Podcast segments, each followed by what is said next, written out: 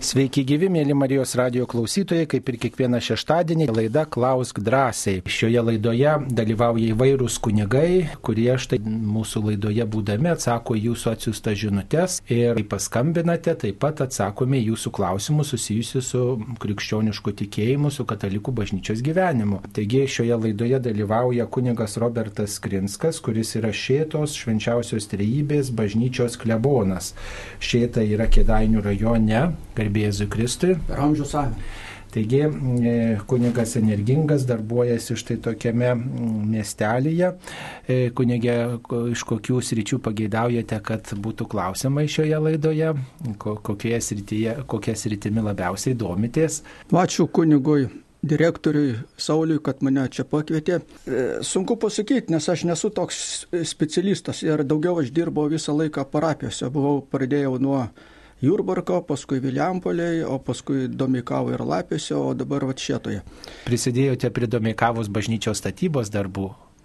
Nu taip, čia jau pagrindinė, praktiškai nuo pamat, ne nuo pamatų, bet nuo palangių buvo pastatyta, subankrutavo tada firma, kuris, kurie aukojo ir statė, tada mane paskyrė ir va, iki konsekracijos aš ten jau tada ir buvau. Tai linkėjimai domikaviečiam, lapiečiam, jurbarkiečiam ir viljampoliečiam, kurie mane prisimena.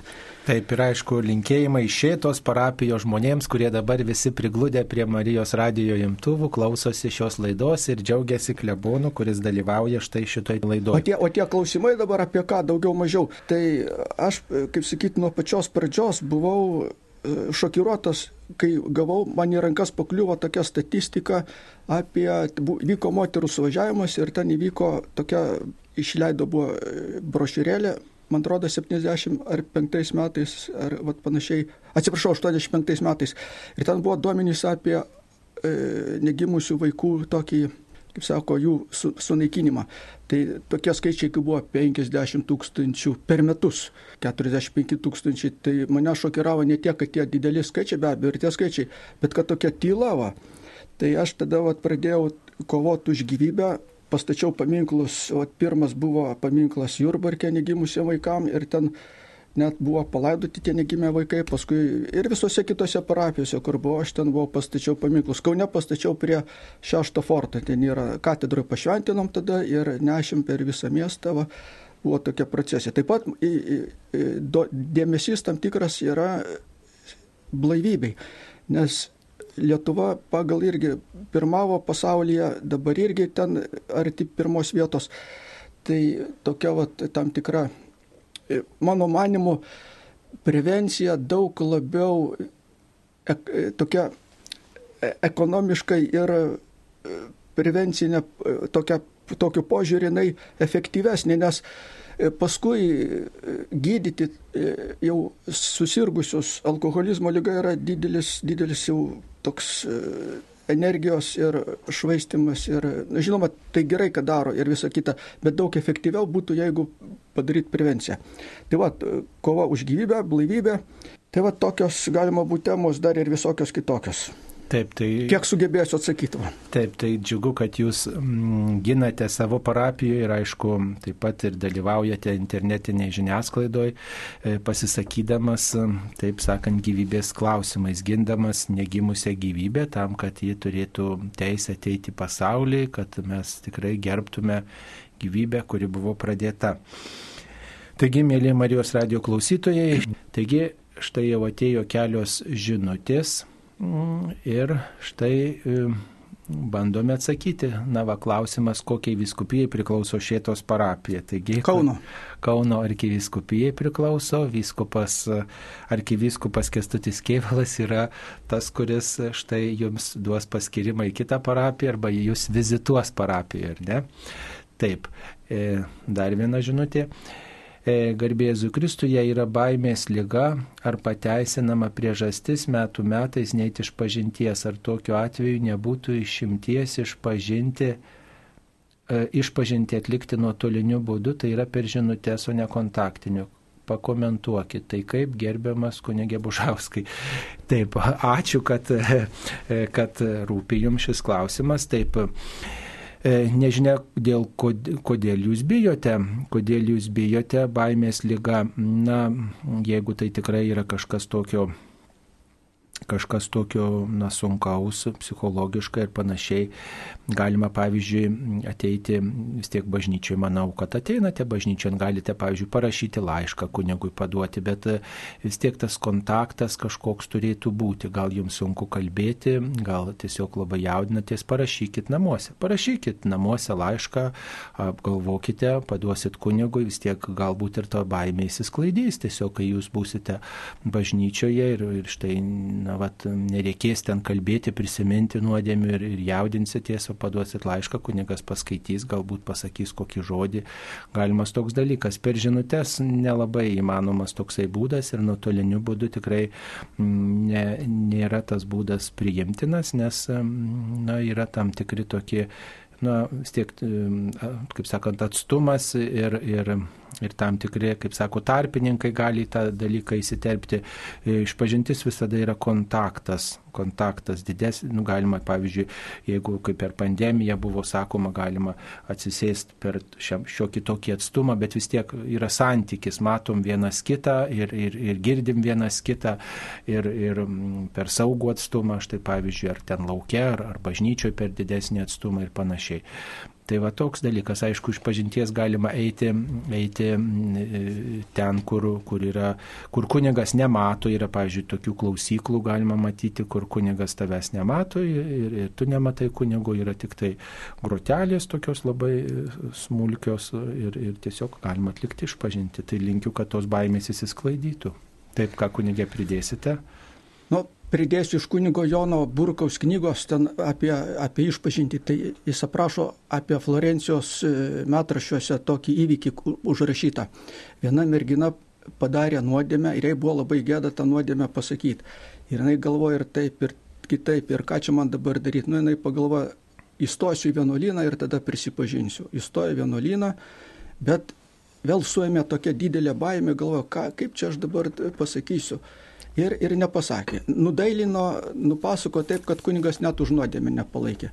O jinai jausdama sąžinės graužyti dar didesnę pradėjo atgailą, e, pasninkavo, labai meldėsi, o vienuolės galo, kad jinai švento išrinko ją vienuolino net vyresnėje. Ir jinai dabar galvo, nu kaip aš dabar, būdama vyresnėje, tokią nuodėmę pasakysiu.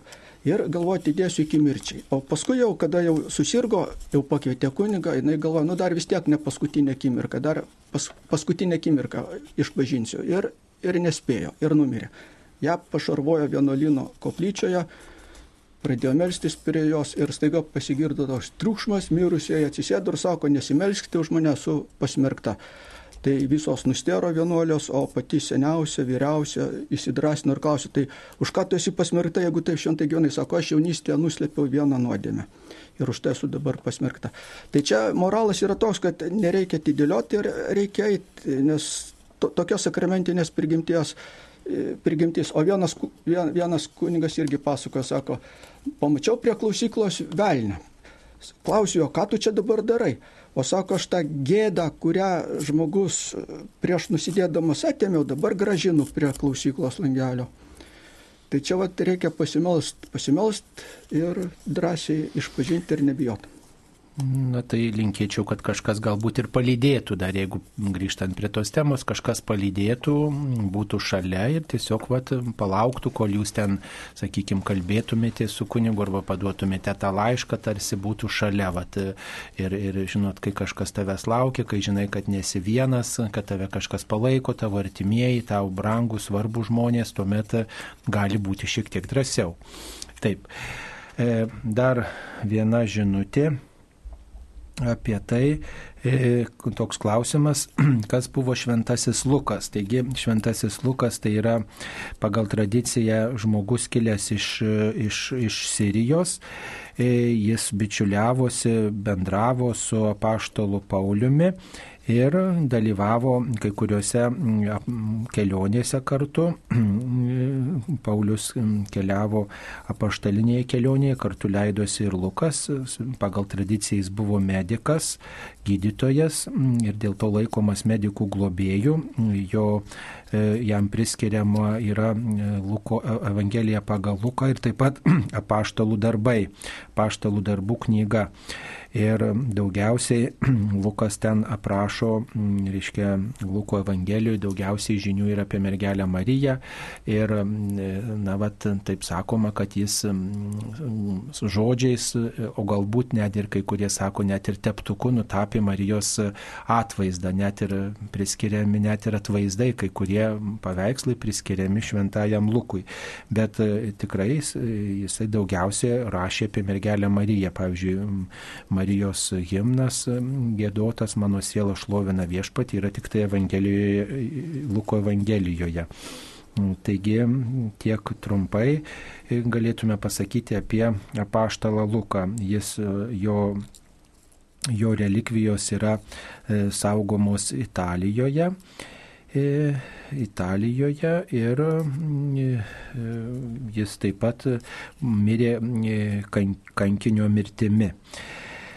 E, taigi e, tiek trumpai. Dabar gal nebent kunigė jūs dar ką tu pridėtumėte. Taip. Ne, pilnai įsamei viską pasakė, tai čia dabar. Taip, taip. Ko. Dabar reikėtų dar keletą žodžių pasakyti, kaip artimiesiems paaiškinti sekmadieninių šventųjų mišių svarbą, klausė Julius artimieji galbūt nesilanko mišiuose, nenori lankytis, kodėl reikėtų lankytis sekmadienio mišiuose, kaip kunigė mes galėtume paaiškinti. Nu, pirmiausia, aš tai sakyčiau, kad viešpats Jėzus per paskutinę vakarienę įsteigdamas nekrūviną šventą mišiauką, jis pas, e, arba kryžiaus aukos ir vakarienės ir prisikėlimo sudabartinimą, jisai įpareigojo, sako, tai darykite mano atminimui. Ir pirmieji apaštalai viešpaties ypač buvo švenčiama viešpaties prisikėlimo diena būtent ir tą, tą, tą dieną bažnyčia jau apaštalų susirinkimas ir tokiu būdu iki mūsų laikų perdavė, kad mes tą dieną parodydami, kad mes esame krikščionys, kad esame Kristaus sėkėjai, apaštalų mokiniai, mes tą vykdome.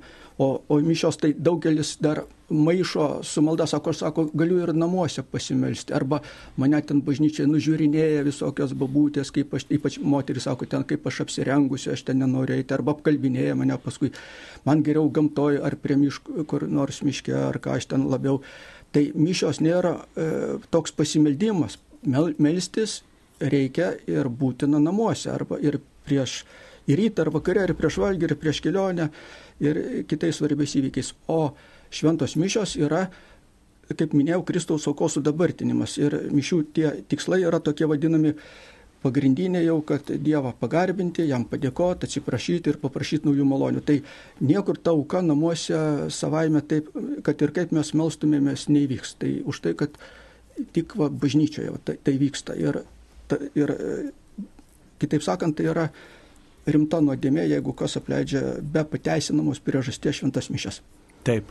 E, matot, yra e, šventam rašte tie du maldos būdai aprašyti, kur du ar trys susirenka mano vardu, ten ir aš esu tarp jūsų, Jėzus sakė. Ir taip pat sakė, eikite į vieni į kambarėlį ir melskitės tėvui slaptoje. Tai kaip paukštis turi du sparnus ir pakyla į dangų ir skrenda, taip ir žmogaus gyvenime tarsi tie du maldos sparnai, tie du maldos būdai reikalingi. Melstis pačiam vienumoje, taip kaip moki, kaip supranti ir melstis kartu su bendruomenė. Tai vad mišios yra ir yra malda su bendruomenė ir mes negalim sakyti, kad aš negaliu susikaupti ir ten ką, taip kaip ir sparnai yra skirtingi, e, paukščio sparnai, taip ir mūsų tie maldos būdai yra skirtingi ir, ir turi savus, savus, savus aspektus, kad reiškia mes ten tokio susikaupimo, ne, ne, kaip, kaip pavyzdžiui vieni, kad esame, neturėtume mišiuose taip labai vien tik to ieškoti.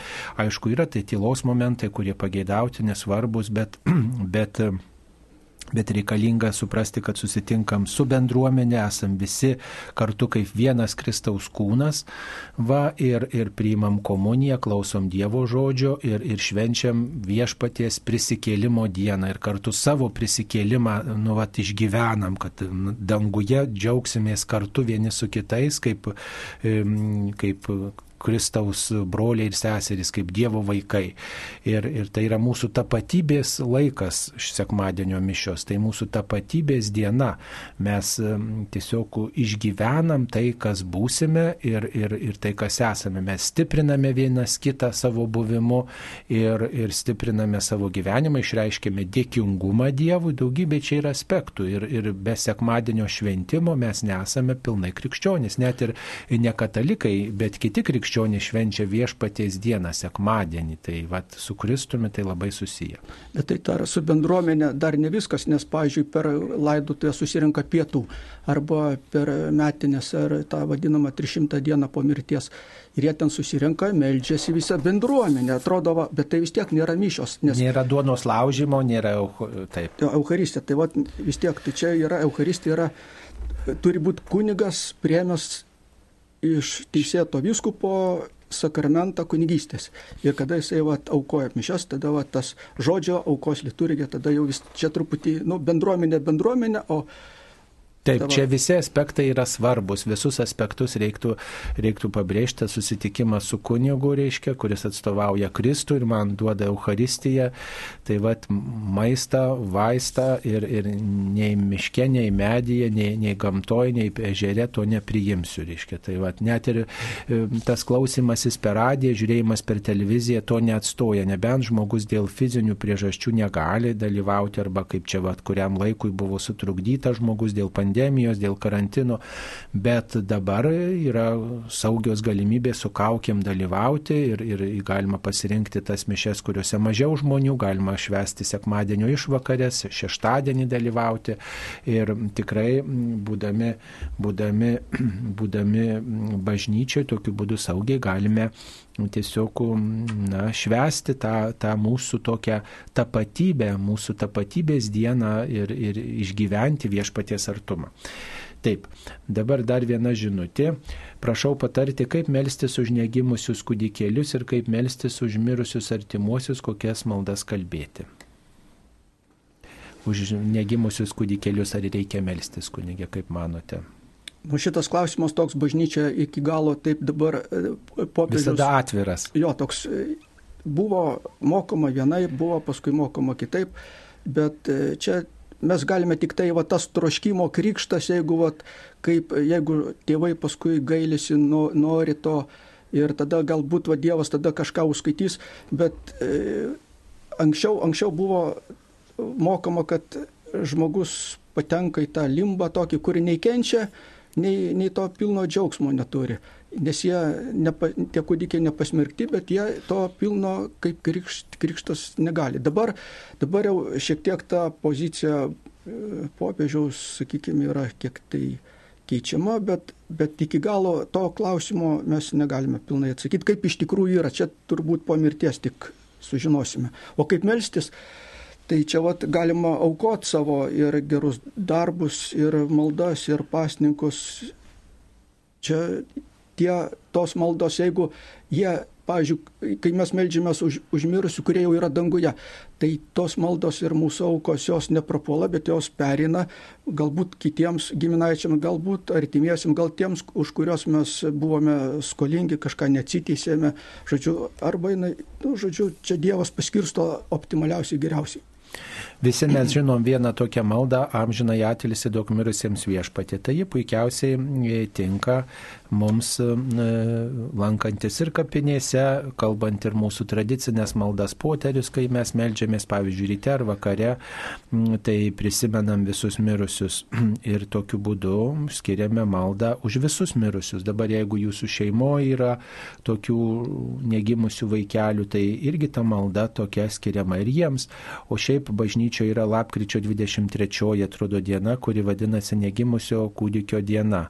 Nu, tą dieną 55 metais, lapkričio 23 dieną, Sovietų sąjungos aukščiausios tarybos prezidiumas įteisino, legalizavo abortus. Tai ne, vat, įvairiai buvo, nu, dabar taip vadinama, kaip jūs paminėjote, Taip, tai tą dieną ypatingai tinka melstis tiesiog prisiminti, jeigu mūsų šeimoje yra negimusių kūdikėlių, jeigu, pavyzdžiui, ir, ir jaučiu, vat, kad šitas rytis yra labai jautri, galiu melstis apskritai už visus tuos vaikelius ir, ir tikrai, kaip ten bebūtų, Dievas, reiškia, žino, kad jiems reikia amžino gyvenimo ir jisai jam vienam žinomu būdu tą gyvenimą suteikia, o mūsų malda išreiškia rūpestį tais vaikeliais, tai yra meilės išraiška išraiška ir kartu mes tokiu būdu galbūt melžiamės ir už tuos žmonės, kurie prisidėjo prie, e, prie vat, vienai par kitaip, kad vaikeliai negimtų, prie abortų. Dar yra, e, esu sukūręs tokį puslapį interneto negimusių vaikų kapai, paminklai. Jį galima rasti per katalikai.lt, dešiniai pusė šonė, ten galima pasižiūrėti. Tai Italijos, sakykime, ir kai kuriuose kitose kraštuose vat, jau yra tokia tendencija, kapuose atveriamas tam tikras sklipelis, ten pastatomas bendras paminklas ir į, į tą vietą yra laidami, kurie tie arba būna perslydimai, arba e, kokie jau po aborto tie vaikai, va, toks bendras kapas ir nesiniai, va, čia prieš kelis metus net popiežius Pranciškus yra aplankęs to, tokias kapinės meldėsis už tos vaikučius. Taip, dabar dar vienas klausimas susijęs su laidutuvėmis. Ar tai nauja tradicija, kai prie pašarvoto žmogaus ekrane rodomos jo nuotraukos, o užmirusi į negėdama, o pagrojama smūku. Kai susirinkę į šventasias mišes nepriima komunijos, tik žvakę, žvakę uždega už vėlionį. Nu jo, čia tokia tendencija labai, dabar labai liūdna. Aš atsimenu, kai buvau Jurbarke, ten kitoj pusėje kaimelio parapė, tai ten sakė, va, būna kokios laidutės, visi dalyviai eina iš pažinties ir šventos komunijos, to, tokia buvo maždaug čia prieš 30 metų. Dabar, dabar irgi aš, aš savo parapiją pastebiu ir visi kiti kunigai turbūt tą patį pastebi. Mažai, mažai labai, beveik būna kartais iš vis niekas neina. Jiems tai tarsi tos laidotės su bažnyčia yra tapo kultūrinė tokia dimensija, ar kaip čia net ir išsireikštva. O, o tas nuotraukas tai būna, būna salėse, aš pastebėjau, kad kartais, e, kada e, šar, pašarvota, tarkim, būna koks nors, nu, tarkim, architektas. Jo e, architektų namuose būna jo galbūt tėvukas palaidotas, kaip mačiau, tai ten, va, tarkim, rodo ar, arba, arba dar kas nors, nu, panašus tokie dalykai pasitaiko, bet, bet tai vis tiek tai liūdė šiek tiek tokį tikėjimo nusilpimą, nes mirusiems ne, nepadės nei tie vainikai, nei tos e, žvakės, net nešventintos, sakykime, labiausiai padeda malda, na nu, žinoma, iš, to, iš, iš tų visų maldų yra šventų mišių auka. Lab, e, celebra užmirusi, tai pati geriausia, didžiausia pagalba. Dar tuo pačiu aš kaip kaimo klebonas turėčiau pridurti, nu vis tiek, čia miestelis skaitosi, bet taip jau, tai e, miestelio to tokių nedidelių miestelių kunigai labai sunkiai išgyvena šiuo metu. Va. Ir dažnai vat, artimieji, kai miršta žmogus koks nors, e, tai jie atvažiuoja jau iš miesto laidoti ir vėl grįžta į miestą. O miestuose mišių, sakykime, ten skaito, kaip mes sakome, litanė tų vardų. O kaimuose praktiškai visos dienos be mišių. Tai siūlyčiau, vat, kada atvažiuojate aplankyti į kaimus, savo artimųjų kapų, tai jūs užeikite pas kunigą ir užsakykite šventas mišes pas tą kaimo kleboną nes, nes jie, va, kaip minėjau, labai apsidžiaugs dėl to. Ir, o mirusiems irgi bus geriau, kai bus galbūt atskiros mišios negu ten va, bendra krūva. Taip. Tai tos nuotraukos, kurios rodomos prie mirusiojo kapo, tai yra toks tik tai atminimas žmogiškas, bet nėra, nėra maldos būdas, tik sutelkia dėmesį į to žmogaus istoriją, gyvenimą, bet ne, ne, neatveria na, žmogaus gyvenimo Dievui. Tai m, mm, tikrai tai yra graži gal žmogiška tradicija, bet šalia to tikrai tai neatstoja maldos. O, o kodėl nepriima komunijos, tai tikriausiai irgi dėl tikėjimo stygiaus arba dėl to, kad negali, pavyzdžiui, gyvena kelintoj santokoje arba neina iš pažinties, nemato prasmės, tai uždega vėliau žvakutę bažnyčioje. Jeigu uždega žvakutę bažnyčioje, tai irgi yra gal tokia kaip maldos forma, tačiau tai neatstoja sakramentų, reikia tą pabrėžti. Mums Taip, dabar toliau, toliau žiūrime, kokie klausimai mums atsiųsti. E, apie apsimarinimą. Kas yra apsimarinimas, klausia Rasa. Ar tenka girdėti šiais laikais kunigė tokį žodį apsimarinimas? Jo, čia jau senoviškas vat yra iš tokio jau kaip katekizmo žymiausi geri darbai, tai yra malda, pasninkas ir išmalda. Tai gal vat prie pasninko tas apsimarinimas priklauso. Tai vienuolė anksčiau, žinoma, ten ir rašutinės nešiodavo ir plakdavosi, ir ne tik vienuolė, ir toks būdavo. O, o tas apsimarinimas, tai kai mes nuo savęs kokį tai malonumą, kokį džiaugsmelį atitraukiame ir, ir galime jį paukoti. Ar už mirusius, ar už gyvosius, ar už nusidėlių atsivertimą. Tai čia va, spektras labai platus. Galima pradėti nuo visokiausių kaip troškulio numalšinimas, sakykime, nu, nenumalšinimas, bet toks iškentimas kurį laiką, e, arba toks pozityvus, sakykime, kokio maisto savo porcijos atidavimas kokiam vargšui, gali būti vat, vietos užleidimas kokiam transporte, galima paukojimas, kuo nors ten kaip renka kokias, sakykime, maisto parduotuvėse ten akcijos vyksta, kokiems ten vargšams arba vaikams ir taip toliau. Tai jo, čia labai, jis, tas apsimarinimas yra labai geras dalykas. Taip. Na tai yra savęs apribojimas, kitaip tariant, savęs apribojimas dėl didesnio tikslo. E, teisingai pasninkas viena iš tokių formų yra, kai mes penktadienį ypatingai save apribojam dėl solidarumo su Kristumi ir kenčiančiais e, kitais mūsų bendruomenės nariais, apribojam tam, kad išreikštume solidarumą Dievo akivaizdoje ir tam, kad galėtume e, to apsimarinimo vaisiais pasidalinti su tais tokojančiais. Tai yra, pavyzdžiui, jeigu kažko nevalgom, tai gal galime pasidalinti bendrauti su tais, kurie, kurie negali įpirkti vienokių ar kitokių dalykų. Taip pat apsimarinimas, kai mes save pribojame mažiau žiūrėdami televizorių, bet pavyzdžiui, eidami melstis, mažiau sėdėdami socialiniuose tinkluose, bet paskambindami kažkam gyvai skirdami dėmesį, skiriam savo malonumus apribojame. Apribojame taip pat savo, savo kalbą, reiškia, kai, kai žinau, kad galiu galiu, pavyzdžiui, pasak, išskaudinti kitą arba man taip, kaip sako, niešti liežuvį kažką pasakyti pikto ar, ar, ar kažkaip pasišaipyti, tai aš nepasakau to žodžio, patyliu, va, tas patylėjimas gali būti irgi kaip apsimarinimo ženklas, va, tas tylos pasirinkimas, tylėti, o, o ne kalbėti, kai, kai, kai pavyzdžiui, kai, kai sakykime, nu, va, labai norisi pasišaipyti iš kito ar panašiai. Na, taip pat gali būti apsimarinimas ir rūbose, ne kai, kai vaikomės prabangių rūbų, tenai šaukiančiai rengiamės, apnuoginam savo kūną, tas apsimarinimas, tai reiškia rengiamės santūriau, mm, kad nedemonstruotume tam tikros prabangos, bet būtume solidarūs su tai žmonėmis, kurie stokoja. Na, tai yra tokia artimo meilės forma ir taip pat prisiminimas vis dėlto, kad ne tai yra svarbiausia, į ką norėčiau kreiptis, į ką, į ką linksta mano širdis, bet prisiminimas prisiminimas amžinų dalykų, prisiminimas paties Dievo kaip, kaip visokio gėrio šaltinių. Ir tai yra asketinė priemonė, kuri ugdo žmogų ir kuri mm, tiesiog padeda e, žvilgsnį kelti į, į patį viešpatį. Va. Ir tai yra nu, tikrai viena iš atgailos formų. Aišku, tokia kraštutinė gal apsimarinimo forma be pasninko, žinoma iš, iš istorijos yra plakimasis arba šutinės nešiojimas, arba kaip skaitom šventome rašte, reiškia, pelenais, barstimas galvos, išlikę pas mus liturgijoje per pelenų trečiadienį.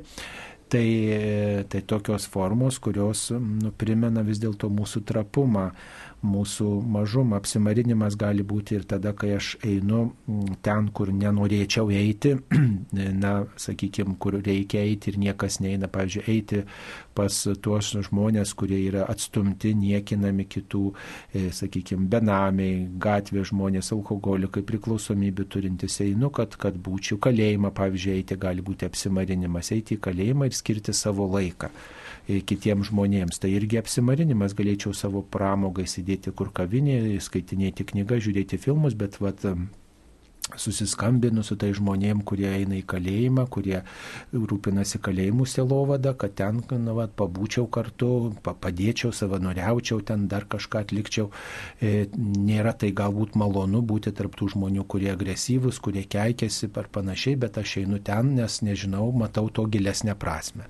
Tai daugybė tų apsimarinimų formų, kurios išreiškia ir artimo meilę ir pasitarnauja didesniam tikslui ir mūsų ugdo, kad ne tik tai malonumai, pramogos yra svarbu, bet yra dar svarbesnių dalykų negu mūsų pasirenkami geri ir gražūs dalykai. Bet dar yra toks pasaulietinis apsimarinimas, sakykime, dėl sveikatos e, arba sportavimas.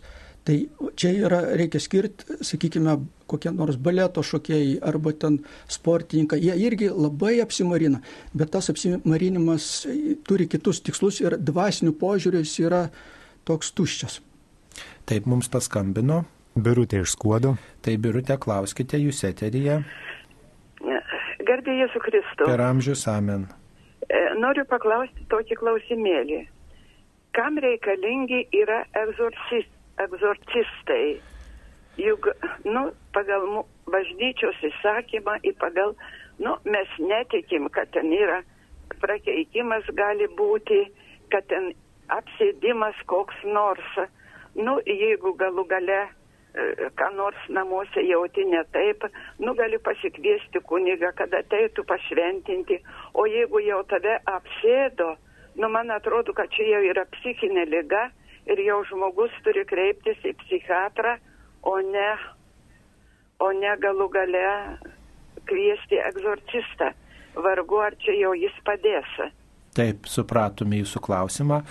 Na, e, egzorcistas tai yra tas žmogus, kuris turi vyskupo, vyskupo tam tikrą siuntimą e, melstis už žmogų, kurį vargina piktoji dvasia.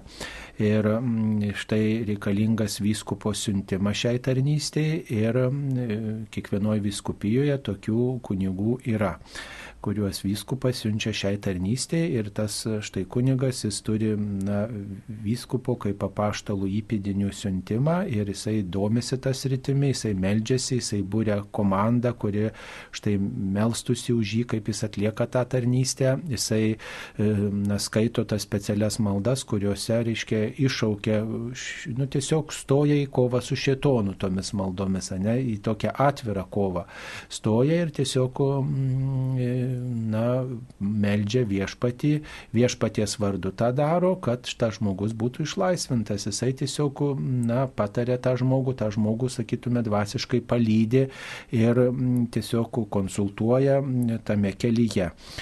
E, dabar, kai jūs sakote, kad jeigu žmogus apsėstas turi kreiptis į psichoterapeutą pagalbos, taip gali būti, kad, reiškia, tai ne apsėdimas, bet tam tikra psichinė lyga. Bet, reiškia, specialistai ir psichoterapeutas ir egzorcistas pasikalbėjęs su žmogumi, pasimeldęs, jisai, na, daugiau mažiau gali prieiti to tikrumo, kas tai yra Ar tai yra psichinė lyga, kurią reikia gydyti e, e, psichologo konsultacijomis, psichoterapeuto konsultacijomis ar vaistais, e, tai čia specialistai tą nustato. Bet daugybė žmonių yra tokių, kurie štai varginami ir piktosios dvasios yra. Jeigu, pavyzdžiui, jie užsijima tam, tikra, reiškia, tam tikrais burtais, magija, nesimeldžia, nelanko bažnyčios, bet kviečia piktai. Tiesiog kviečia į pagalbą pagalba, užsieima e, ten mirusiųjų šaukimu. Tai visa tai gali žmogų nuvesti na, į tam tikrą santykį, akistatą su piktuoju, va štai ir tada, nu, pavyzdžiui, prasideda tam tikri procesai jo gyvenime, kurie štai tą žmogų vargina. Jis tiesiog nu, gali kelti tuos daiktus, kuriuos, pavyzdžiui, neįmanoma pakelti žmogišką jėgą. Gali, pavyzdžiui, reumoti tokiu balsu, kokiu, kokiu paprastai tas žmogus jokiom aplinkybėm ne, nereumuoja. Tai e, nu, visokių dalykų atsitinka ir, ir visokių dalykų yra. O šiaip tai Šiaip tai, šiaip tai ta tarnystė egzistavo bažnyčioje nuo pat, mm, nuo pat Jėzaus Kristaus veiklos, reiškia, ir Jėzus Kristus e, kviečia mm, ir apaštalus siunčia išvarinėti demonus ir, ir, ir tramdyti blogį. Ir tą bažnyčią atlieka, nes tas blogio egzistavimas yra akivaizdus, kad blogis braunasi į visas rytis ir tam tikrą prasme mus visus gundo piktasis. Ir mes tą mm, einam į tą kovą su piktuoju įvairiais būdais, kaip pasipriešinam nuodėmiai, e, kaip pasipriešinam blogiu, kai einam iš pažinties. Tačiau kai kuriems žmonėms tiesiog dar iki iš pažinties gali būti tam tikras kelio etapas, jie, reiškia, negali iš viso bažnyčio neiti ir panašiai, tai tas susitikimas su egzorcistu tarsi paruošia žmogų priimti sakramentus, e, padeda va, ta, į tą kelią nukreipti. Tai yra sakramentaliai egzorcizmas, ne sakramentai, o paruošimas sakramentų prieimimui. Ir kunigas egzorcistas tą atlieka. Tikrai man kaip kunigui teko dalyvauti mm, egzorcizme, tiesiog kaip tam kunigui, kuris na, užtarė, meldžiasi kartu su kitais už e, kunigą pagrindinį, kuris atlieka tą egzorcizmą ir matau, kad ten yra nu, akivaizdi kova, kad tai yra ne, ne psichiniai dalykai, bet yra na, tiesiog toks na, niekinimas Dievo, niekinimas viso to, kas priklauso Dievui ir, ir kad ta kova gali būti tikrai vaisinga per maldą, per, per tokį Dievo akivaizdų pasirinkimą, per pasiruošimą švesti sakramentus. Tai negalim to nurašyti tik tai psichologijos ryčiai. Taip, tai gali būti susiję dalykai, persipinę, bet, bet visada e, įmanoma tai kažkaip ir atskirti. Taip, mums paskambino, taip, dabar niekas nepaskambino. Mm, dabar dar vienas, viena žinutė tokia. Ar įmetimas pinigų į dėžutę šventoms mišioms yra tas pats, kaip ir kunigų į rankas? Paaiškinkite, klausė Danutė. Tas pats, tik tai skirtumas, taip reikia žiūrėti, kas ten, e, kada mišios. Dėžutės parašyta. Jo, ten būna parašyta, sakykime, kada tos mišios yra aukojamos, jos yra užmirusios dažniausiai arba užgyvus aukojamos. Tai tada yra aukojamos, tai praktiškai yra tas pats.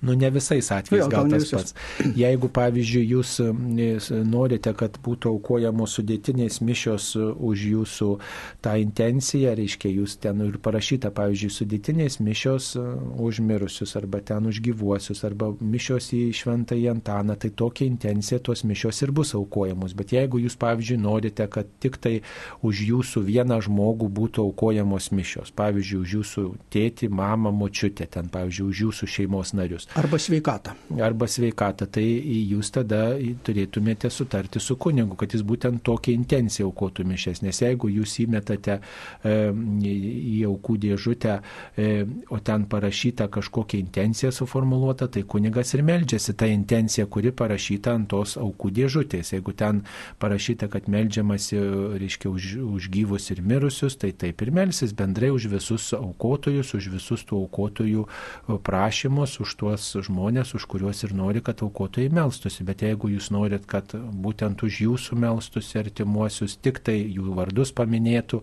arba jiems sveikatos prašytų ar panašiai, arba norite, kad būtent tą dieną, o ne kitą melstusi, kuri jums patogiau, tai tada turėtumėte sutarti su kunigu ir aš tai perduoti auką kunigui ir, ir sutarti dėl tų bišių paukojimo.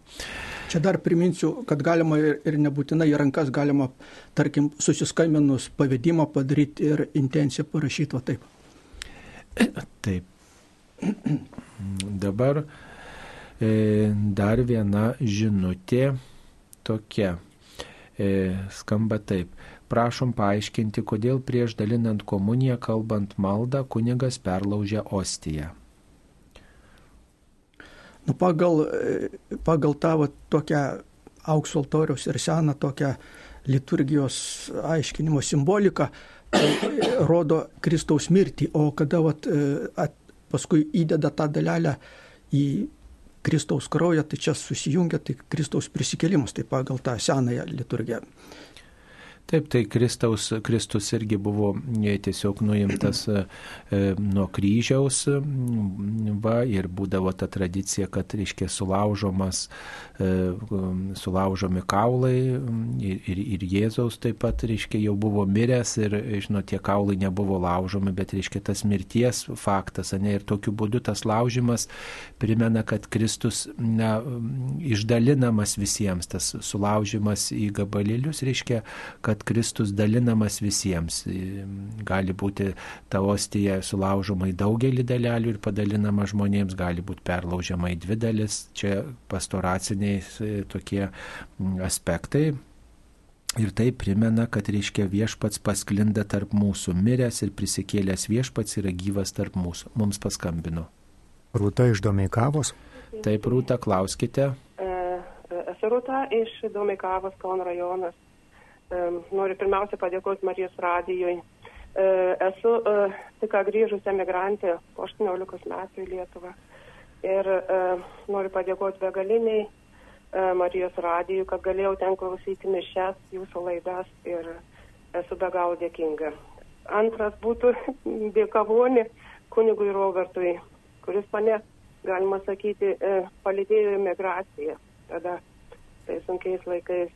Ir E, galima sakyti, e, begaliniai daug prisidėjo prie bažnyčios, nuostabaus grožio bažnyčios statybos.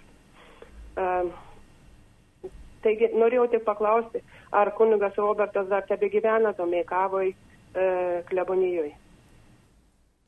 Ne, kunigas Robertas dabar gyvena Šietoje. Irgi čia Kėdainių rajone, važiuojant nuo Domeikavos ten pro Lapes, Kulvą, Žeimius va, ir sekantis ten bus. Tai va, čia ne prieš ši, penkis metus mane paskyrė į šitą. Taip tai gražu, mėla sesė, kad jūs klausotės Marijos radijo ir dar nuostabu, kad jūs sugrįžote į Lietuvą. Tikrai džiaugiuosi ir, ir linkiu, kad Lietuva jūs svetingai priimtų ir čia toliau tęstumėt savo gyvenimo ir tikėjimo kelionę.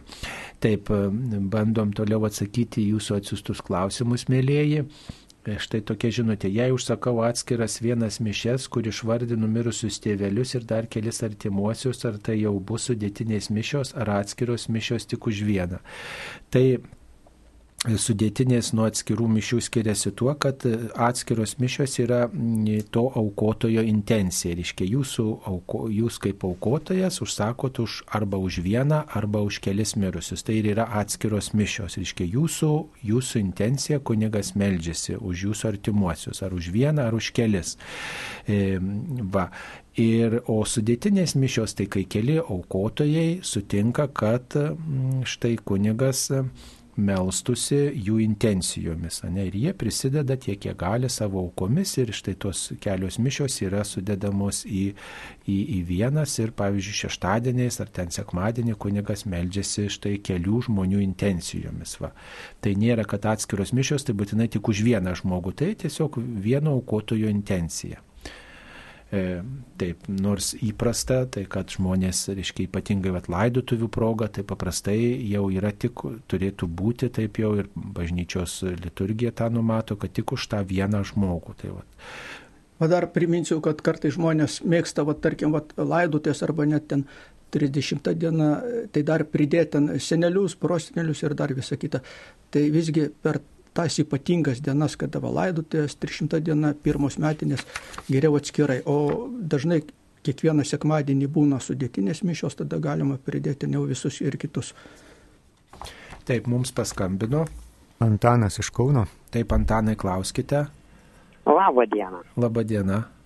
Ma, aš turiu du klausimus. Pirmas. Taip. Spaudoj buvo straipsnis, kad ant popiežiaus stalo guli kažkoks raštas, kur dėl tolerancijos gėjam ir čiusne švento rašto pakeitimų, kas liečia homoseksualumą.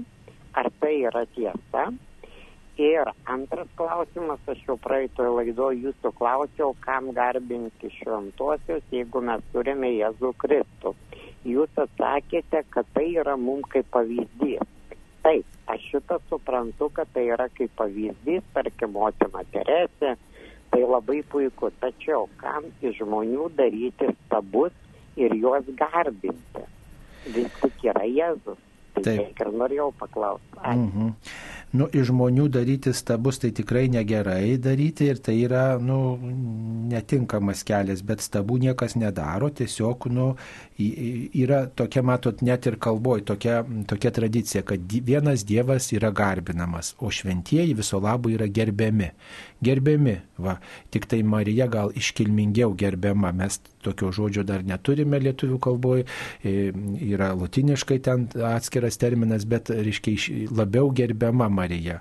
O, o šventieji tik tai gerbiami, kaip mes gerbiam savo mirusius artimuosius, kaip mes kiekvieną savo mamą gerbiam ir žodį mama rašom iš didžiosios raidės ir, ir gerbiam ir aplankom ir mylim. Tai, va, tai, tai tokia ypatinga pagarba ir um, tuos šventuosius palydime, o štai nes jo gyvenime buvo daug Kristaus artumo, buvo daug e, nuorodos į Evangeliją, jūs jau štai paminėjot motiną Teresę, bet ir kiti šventieji, kurie netaupė savęs, ten Arso klebonas, pavyzdžiui, tėvas Pėjus, pavyzdžiui, ar mūsų lietuvių, mūsų tautiečiai, ten palaimintasis Jurgis Matulaitis, kuris va štai degė kaip žvakė, kiek jisai patyrė, m, taip sakant, tokių persekiojimų ir skriaudų ir iš tikinčių žmonių ir iš netikinčių, bet jisai niekada nenorėjo blogiu atsakyti blogį. Arba palaimintasis Teofilius, kuris net jį persekioja mus saugumiečius, tiesiog užjausdavo ir sakydavo, toks jų darbas ir niekad neniekino, nesiplūdo, ne, ne, ne,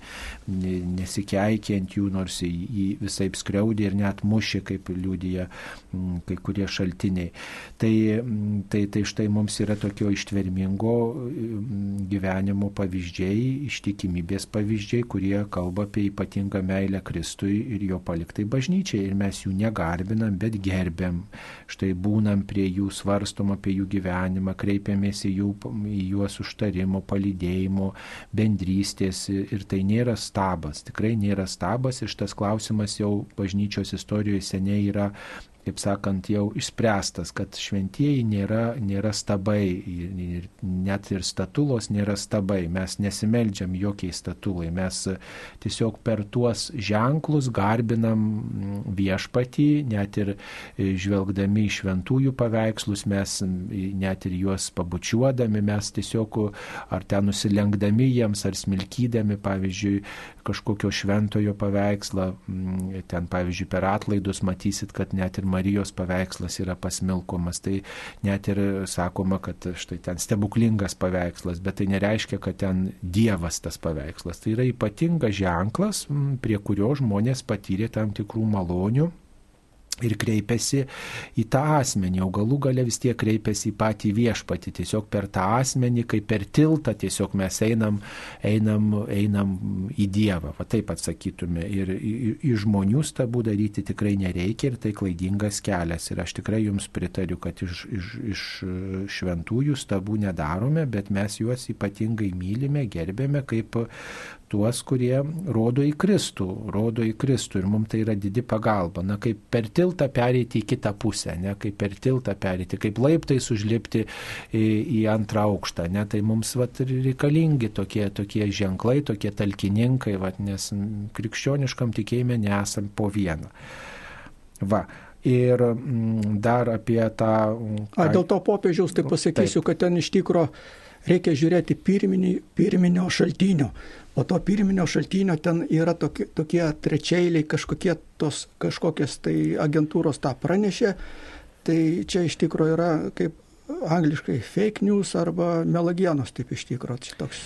Nu, mes matot, negalim pasakyti, kas yra ant popiežiaus stalo, nes mes nei ten buvome, mes nelabai žinom, kas yra ant vyskupo stalo. Galiu aš pasakyti, kas ant mano stalo padėta, kokie laiškai, kokie raštai. Tai vat, vienas dalykas. Kitas dalykas, kad aišku, kad galbūt popiežiaus ir visokių dalykų prašo ir natūralu, kad prašo keisti šventą raštą, bet niekada to nebus.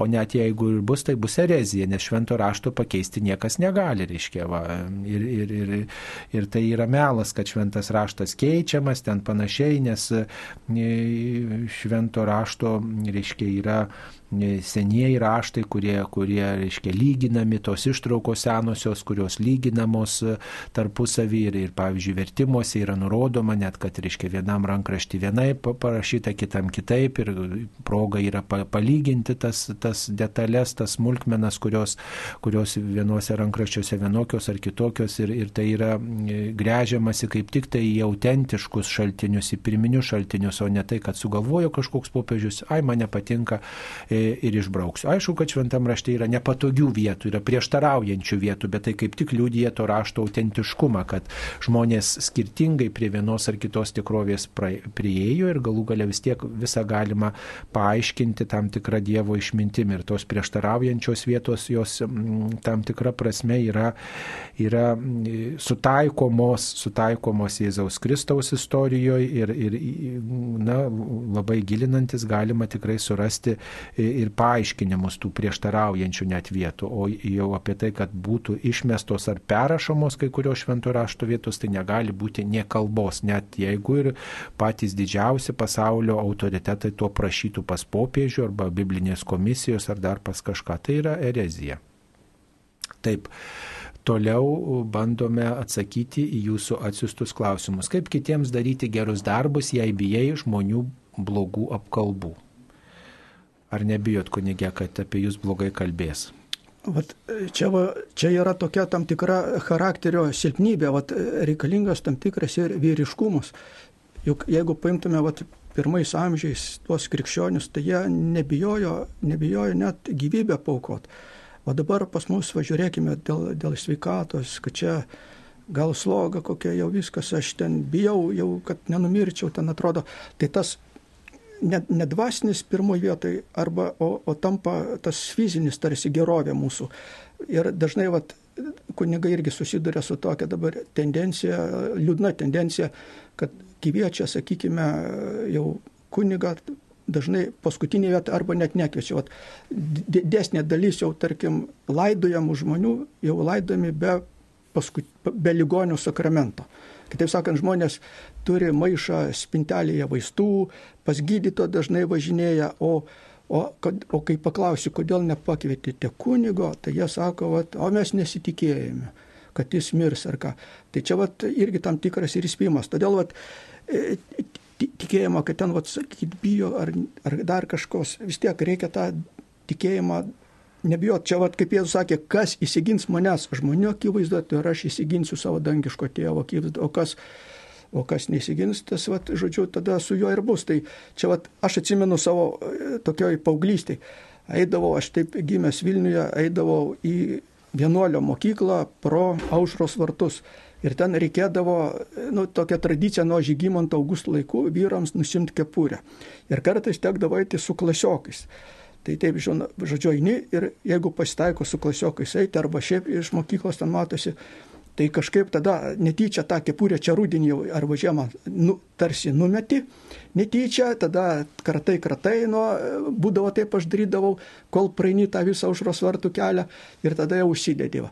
O paskui vat, išgirdau, tai man kažkaip iširdėjo tie Kristaus žodžiai, kad sako, kas įsigins žmonių akivaizdoje, to ir aš įsiginsiu savo dangiško tėvo akivaizdoje. Tai aš tada, o, čia klausyk, ką aš darau, aš, aš praktiškai įsiginu, tai aš tada paėmiau jau kitą kartą taip jau nebijodavo, eidavo ir kepurę taip jau vos ne demonstratyviai nusimdavo. Tai buvo tie Brežnevo, Andropovo tokie laikai, kurie buvo labai tokie ateistiniai. Va. Ir atrodo, į tave visi žiūri ar dar kas nors. Bet, pas, bet, bet man labai džiugu širdį, nes aš dabar galiu drąsiai sakyti viešpatį, ašgi tavęs tai neįsigyniau, o kai pakliūsiu į jo teismą. O dabar, dabar ir tu manęs jau savo žodžius, nes jis kaip sakė, dangų žemė praeis, mano žodžiai nepraeis. Tai dabar aš va taip drasus, kad aš tavęs viešpatį neįsiginiau ir tu manęs dabar turėsi neįsiginti. Nu čia jau biški puikybė, čia į dangų pereisim tik nuolankumu, mielas kunigi. Bet gražu jūsų tikrai tas noras, vat, tikrai nusijimti kepurę, pagerbti ir vat, ypač jaunystėje, vat, tas, tas, tas toks kelias. Taip mums paskambino. Zofija iš Klaipėdos. E, Garbė Jėzui Kristui. Per amžius. Sakykit, aš norėjau paklausti, kada yra laikomos užmirusi mišios devintienės 30 dienų, man pačiai teko taip. Kodėl nėra pagi, pa, mišių pabaigoje pagėdama viešpats angelą amžinatelis, reikia atskirai prašyti, kad pagėdot. Nu, kodėl nėra? Nu, matot, dėl to, kad, dėl to, kad viešpatės angelo malda griežtąją prasme nėra užmirusius. Čia tik tai mūsų krašte tokia tradicija yra įsitvirtinusi ir tai nėra pats svarbiausias dalykas. E, nėra pats svarbiausias dalykas. Tikrai viešpatės angelo malda yra yra malda apie Kristaus įsikūnymą, apie mergelės Marijos bendradarbiavimą ir, ir čia nuo tam tikrų, reiškia, karų, marų, bet tokia tradicija buvo susijęta ir taip, taip išliko Lietuvoje, dar Lietuvos teritorijoje, Lietuvos didžiojoje kunigaikštystėje tas buvo paplitę, bet dabar ko gero tik Lietuvoje tas likęs paprotys. Va, e, tai e, iš tiesų griežtąją prasme tai tikrai na, ta malda m, mm, tokia liaudės pamaldume užmirusius tik tai likusi, o šiaip užtenka šventųjų mišių užmirusi. Ir ta malda, nu tai jie, jie kitiems žmonėms yra, atrodo, svarbiau negu kad pačios mišios. Tai tikrai taip nega, neturėtų būti, reiškia. Ir negėdama todėl, kad dažnai žmonių sąmonė ta malda tokia jinai susijęjama tik su mirusiais ir, ir štai jeigu, pavyzdžiui, sekmadienio mišios susirenka žmonės švesti sekmadienio, o dar e, tas viešpaties angelo gėdojimas ne visada jis būna toksai na, kaip čia pasakyti, šviesus, būna tau toks liūdnas ir, ir viską, ir tai gal kunigas ir vargonininkas, vargonininkė nenori pabrėžti tos gėdulinės, ypač sekmadienio šventųjų mišių nuotaikos, tai, tai dėl to gal ir atsisako gėdoti, va štai plėtoti tą liaudės tradiciją, bet jūs nepergyvenkite, jeigu jums ta malda svarbi, brangi, tai jūs nuėjus į kapinę, sukalbėkite su savo artimaisiais e, tą maldą ir tikrai jūs štai išgyvensite tą tokią pilnatvę, kurios, kurios galbūt stinga. Arba pati viena sukalbėkite. Na, va, mes iš tiesų niekur pasaulyje šitos tradicijos neaptiksime, kad, reiškia, viešpaties angelo malda būtų gėdama užmirusius ir kiti stebisi, reiškia, ypač užsieniečiai atvykę į Lietuvą, kaip čia taip gali būti. Nes tai jinai šitą maldą kalbama keletą kartų per dieną, apmastant Kristaus įsikūnymą, mergelės Marijos bendradarbiavimą su Dievo malonė, pritarimą Dievo valiai. Tai, Tai štai tokia būtų mintis ir, ir, ir tiesiog džiaukitės, kad yra šventos mišios užmirusius ir ten mirusieji paminimi ir to pakanka, pilnai pakanka. Jeigu aplankysit kapinę, sukalbėsit pasirinktą maldą, tai bus štai dar toksai priedas papildomas, pamaldumo išgyvenimas, bet tai nėra, nėra privaloma. Va. Būna mišios, pavyzdžiui, vėlinių dieną, kada jau tikrai yra mišiose gėdama giedama malda viešpaties angelas va, užmirusius. Ir, ir, ir, ir štai bažnyčia jau ir liaudės pamaldumo tą tradiciją iškelia kaip tokią, va, na, gražią, žmonėms priimtiną, svarbę, bet, bet ji nėra visuotinės bažnyčios paveldas. Ir todėl ypač sekmadienio mišiuose jinai yra negėdama, aš taip atsakyčiau. Mums paskambino. Zita iš Prienų rajono. Taip, Zita, klauskite, jūs eterija. Garbė Jėzui Kristai. Per amžius. Aš irgi noriu paklausti apie viešpaties angelo maldą. Kai ji kalbama e, kap, kapinėse ir pabaigoje, gal čia aš nežinau, vis kilintą kartą galvoju, gal keičiasi tas liaudės pamaldumo ta forma, kad vis e, vieni bando sakyti, kaip senoviškai, sakykime, vis amžiną atilsį ten tris kartus, o kiti pabaigoje sako garbė Dievui, Dievui ir, ir, ir tik tada paskutinį kartą amžinatėsi, kaip čia iš tikrųjų dabar jau reiktų. Mhm. E, nu kaip reiktų. Nu matot, kaip kapinėse gėdame, tai tas garbė Dievui yra švenčiausios trejybės pagarbinimas. Matot, e, normaliai kalbant, jūs turbūt girdėjot gal ir per Marijos radiją, tai yra taip pat pridedama garbė Dievui e, malda, pridedama prie viešpaties angelų. Ir tai yra šven, pagarba švenčiausiai trejybei, kuri štai kreipiasi į, į, į Mariją, kuri štai priartėja prie žmogaus per Jėzaus Jėzaus Kristaus istoriją.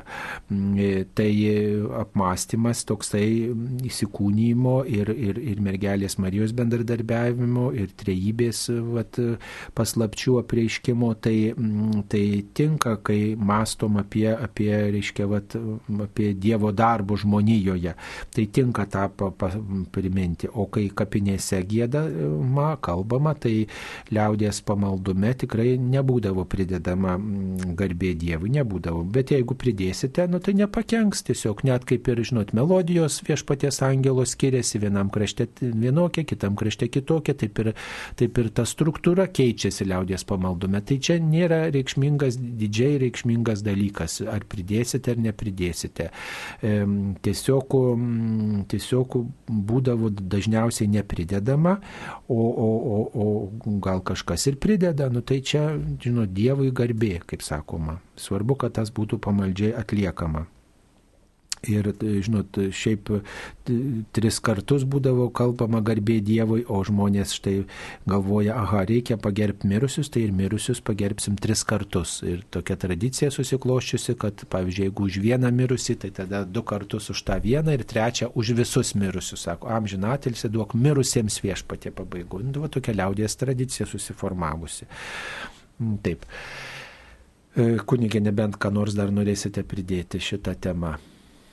Aš tai sakyčiau, nu, aš asmeniškai savo nuomonės laikausi, kad, va, tarkim, buvo viešpaties angelas malda, tai ją reikia ir palikti tokią, kokia jinai buvo. O, o, o tradicijas, kur ten, sakykime, su visokiais priedais galima jau visai naują, ką tai, o, o kas yra tokia jau nusistovėjusi nuo amžių, jau, sakykime, per, nuo krikščionybės pradžios, kuri buvo, tai dabar taip išdarkyti ir kažkaip pridėti kažką tai savo ar ką tai Aš tai nu, nepritariu tokiai, tokiai pozicijai. Nu tai matot, kad mes jau išdarkėme, reiškia, Lietuvoje, ne, jeigu pas, lietu, visam pasaulyje nėra va, ta malda, nu tai bet Lietuvoje kažkodėl yra, nu tai va, ne, nėra nuo krikščionybės pradžios šita malda įdėkta kaip malda užmirusius, bet taip jau laikui bėgant taip atsitiko, dabar formuojasi ir kitos tradicijos, čia turbūt natūralūs procesai yra, ar ne? Arba kaip su persižegnojimu anksčiau buvo, jeigu mes paimtume net iki kokių 2010 ar kurių ten metų maldaknygėse su vyskupo imprimatur yra maldos ir persižegnojimas, ten yra parašyta vardan Dievo tėvo kablelis ir sunaus kablelis ir šventosios dvasios amen. O dabar jau dabar pradėjo vat, naują tokią, nors tai buvo nuo krikščionybės laikų tokia vat, kelis amžius. Dabar jau naujai padaryta vardan Dievo. Dvitaškis tėvo ir sunaus ir šventosios dvasios. Tai matot, dabar vat, e, toks vat irgi, e, tai mes unikalūs mūsų tauta tuo, kad tas vienintelis persižegnojimas toks ir buvo visą laiką, kaip vardan Dievo tėvo ir sunaus. O, O dabar jau bandoma taip tarsi protingiau, taip teologiškiau. Nu, matai, čia truputį paaiškina va, tas skirybo ženklų pasikeitimas e, žegnoniai. Tai čia paaiškina tokį dalyką, kad Dievas nėra tik tai tėvas, bet ir sunus ir šventoji dvasia. Tai va tas dvitaškis ir tarsi paaiškina Dievas ir tėvas ir sunus ir šventoji dvasia. Kai dėdavo kablelius, tai gal apie tai nepagalvoju. Bet kadangi va tokie klausimai iškyla, tai va ir tą skirybos skirybą pakeitė. Bet čia iš esmės tai turbūt nesikeičia, mums reikia paaiškinti paaiškinti, ką mes tas skirybos ženklais norime pasakyti. Dabar labiau gal noriu patraukti žodį Dievas iš žegnonės, kaip kurie teologai, ką reiškia vardant tėvo, sunaus ir šventosios dvasios, kaip yra kitose, e, kitose e, nu, tautose, ne, bet, bet reiškia, mūsų krašte tai buvo, tai va tą. Bet čia vat nori su, suvienodinti visas tas tautas, suniveliuoti, o mes tai branginkime savo savitumą, unikalumą. Todėl vat, aš tai sakyčiau, nenaikinkime to, kas jau kas yra paveldėta tokio unikalaus.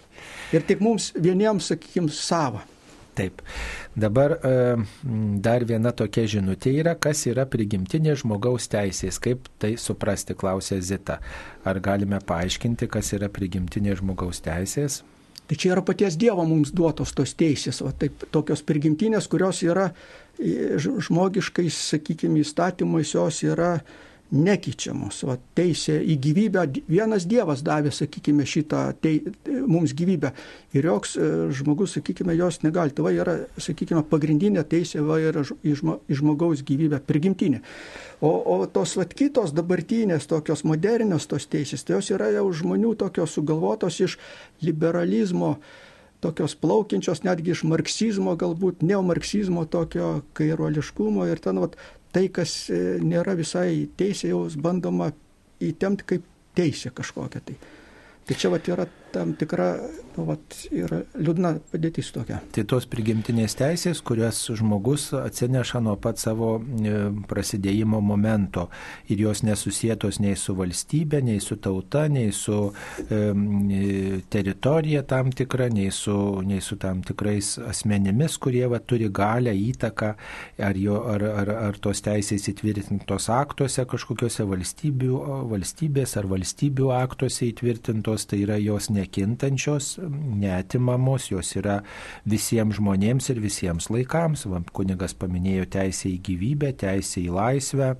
Į, į, į orumą, į savo garbę, į, į, į galimybę turėti tam tikrus savus, e, savus įsitikinimus, e, juos laisvai reikšti, taip pat teisė į nuosavybę, jos yra na, nuo prigimties žmogaus, tai yra mes juos atsinešam E, į šį pasaulį ir, ir su jomis turi skaitytis, e, taip sakant, mūsų valstybės prigimtiniai teisėjai e, reiškia, priešinama tokia pozityvioji teisė, kuri gali būti įvairiai e, traktuojama ir, kaip čia pasakyti, keičiama. Tai va.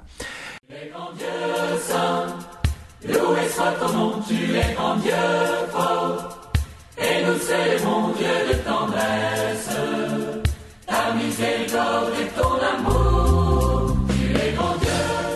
Pokalbių laida Klausk drąsiai.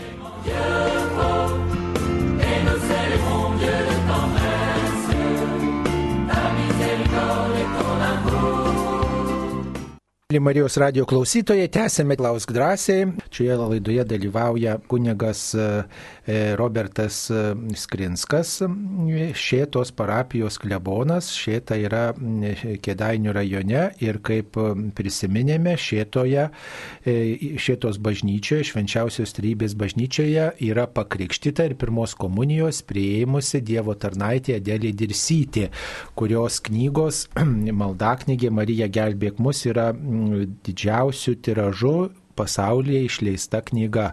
Jo, e, reiškia, vertimai į kitas kalbas yra didžiausi mm, tarp visų kitų e, lietuvių autorių parašytų knygų.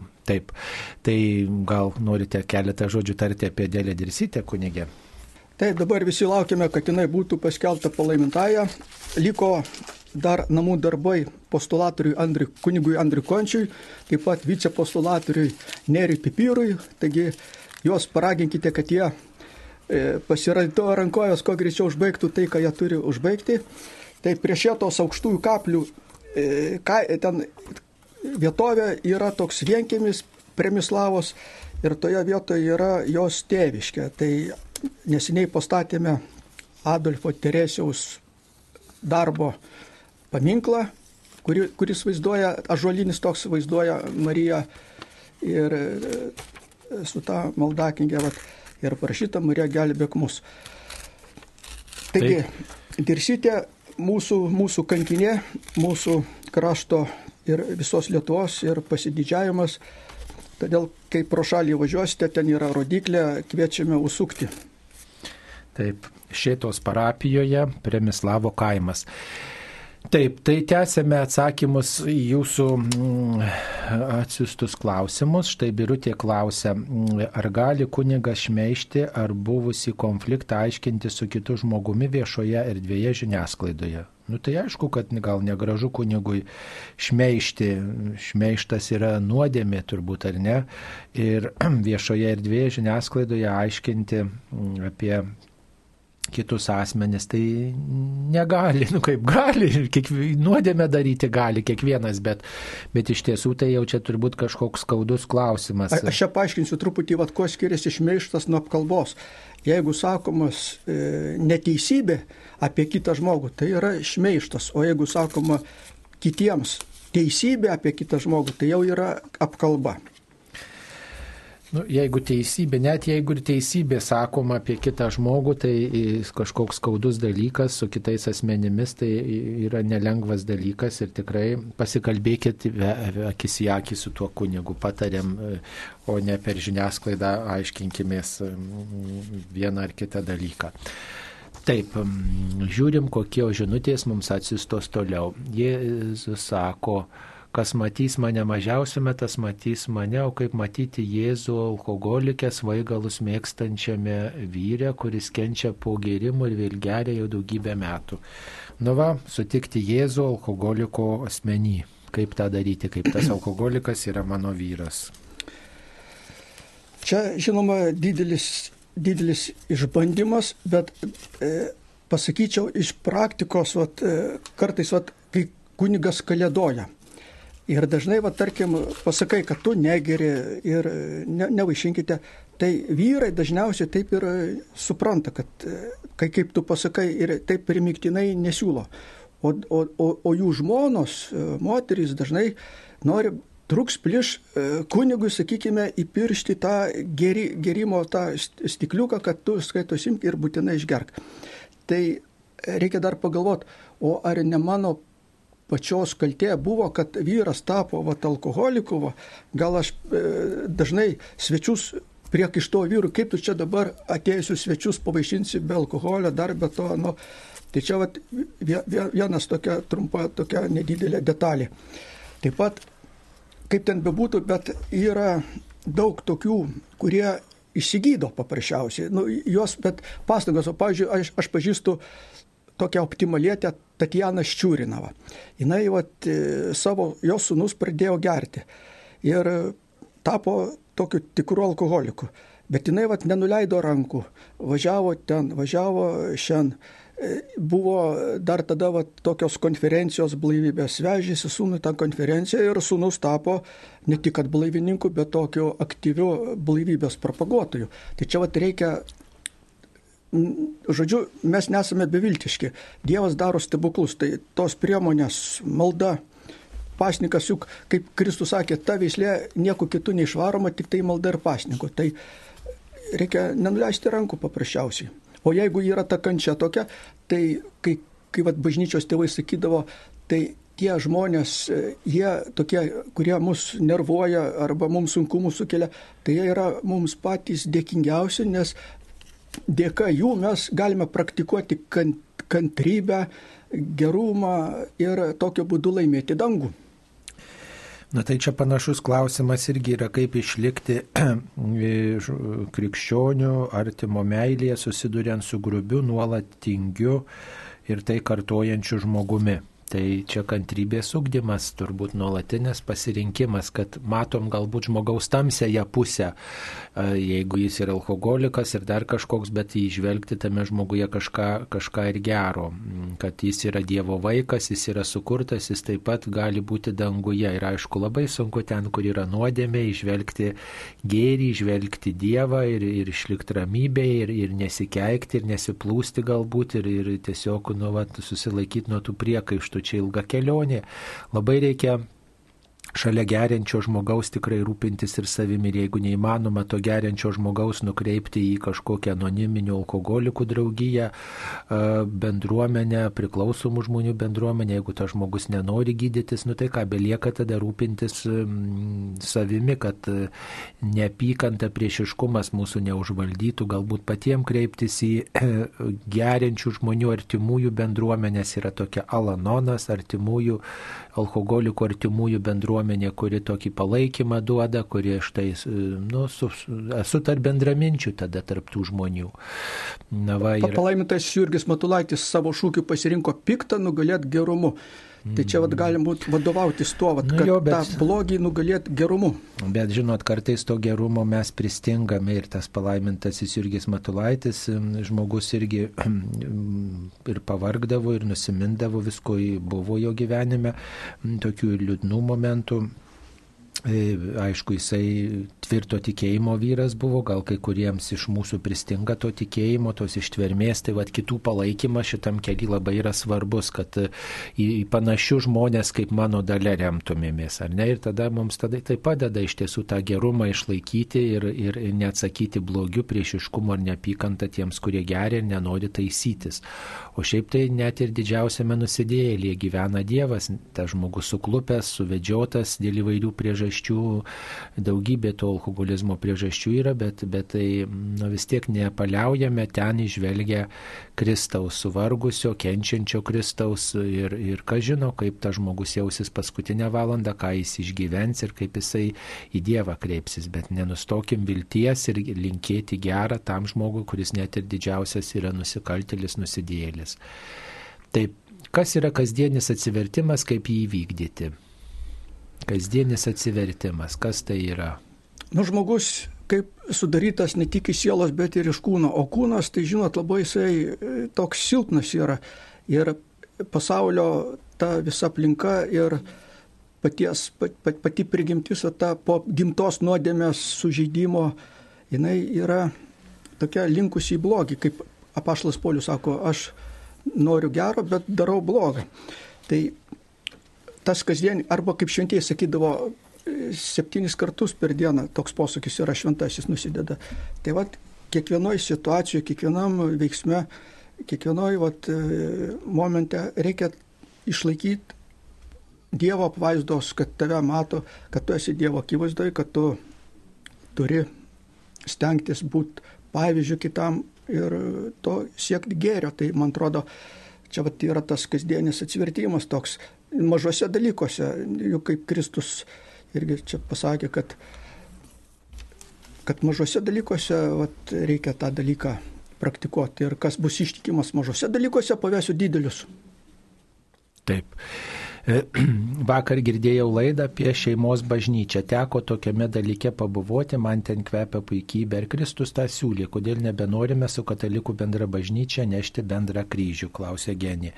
E, taip, mėla Genė, Vakar minėjome popiežių Joną Paulių II ir popiežius Jonas Paulius II tiesiog savo raštuose paliko tokį sakinį apie šeimą. Šeima yra namų bažnyčia.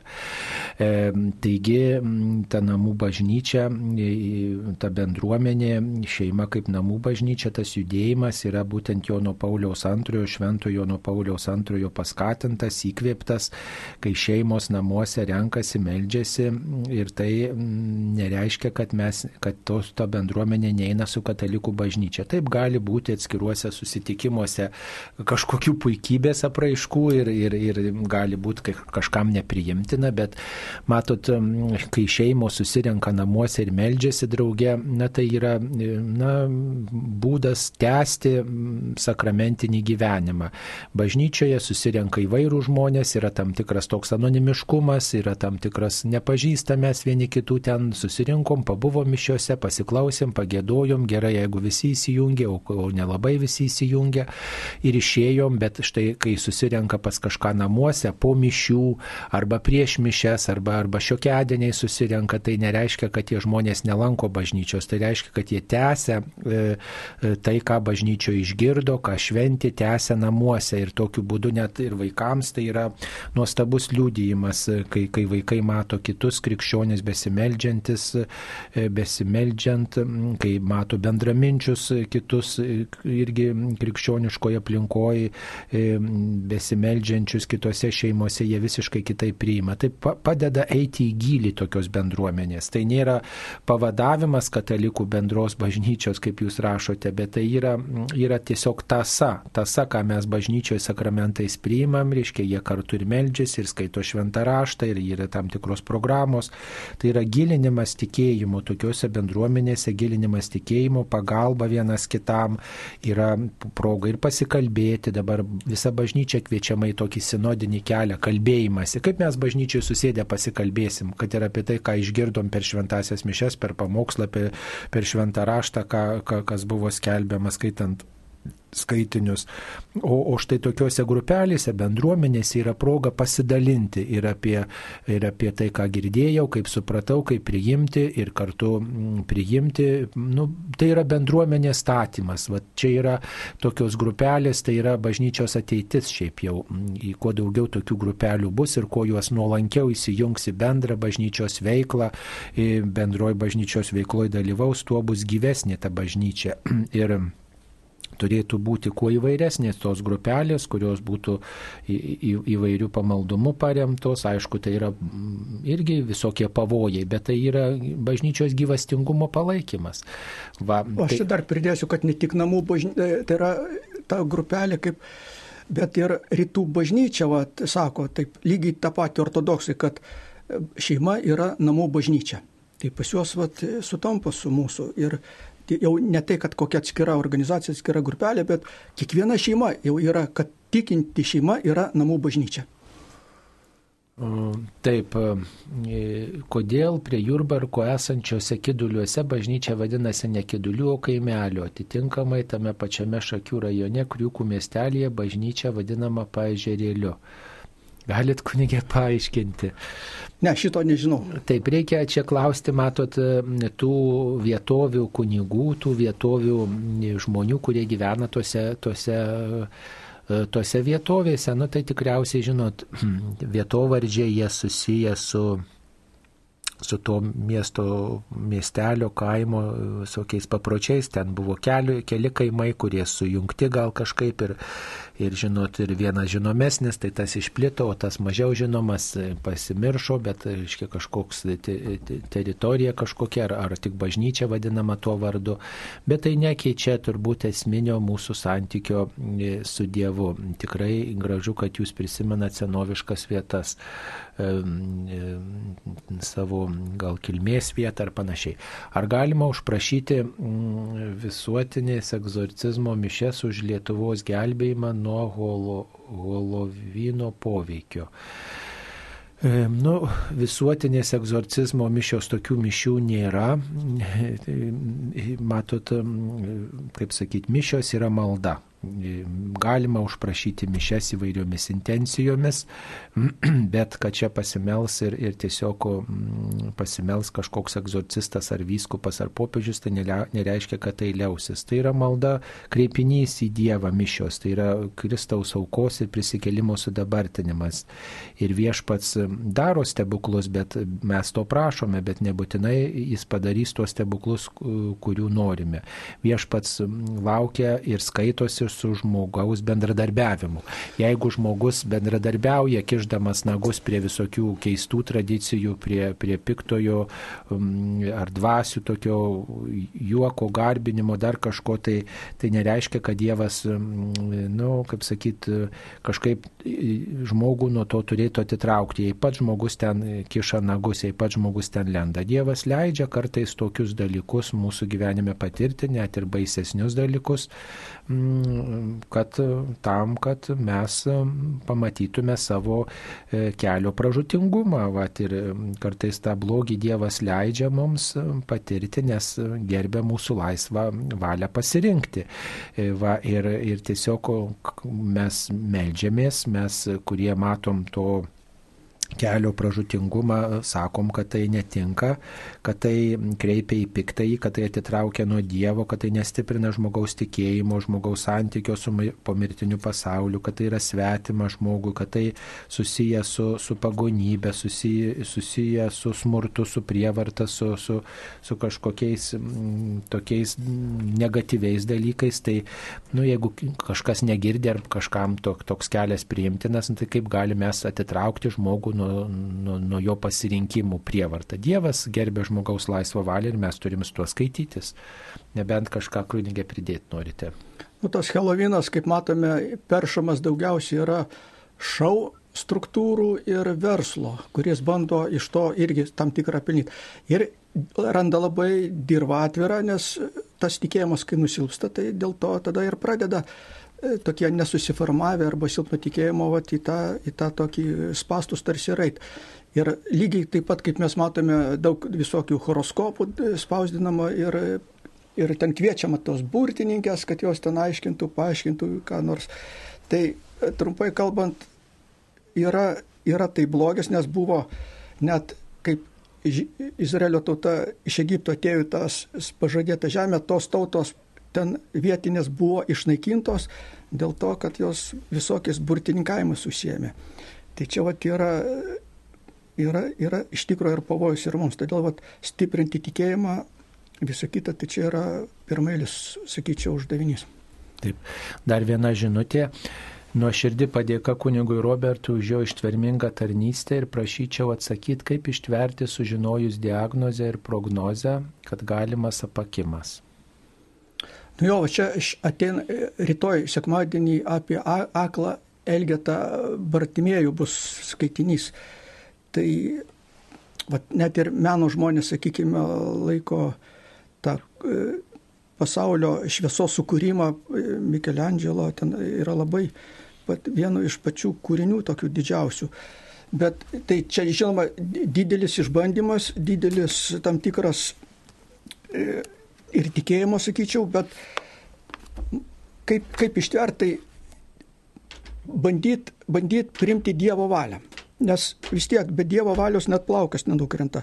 Ir dar reikia suprasti, kad šiame gyvenime ir šiuo gyvenimu nesibaigia žmogaus egzistavimas.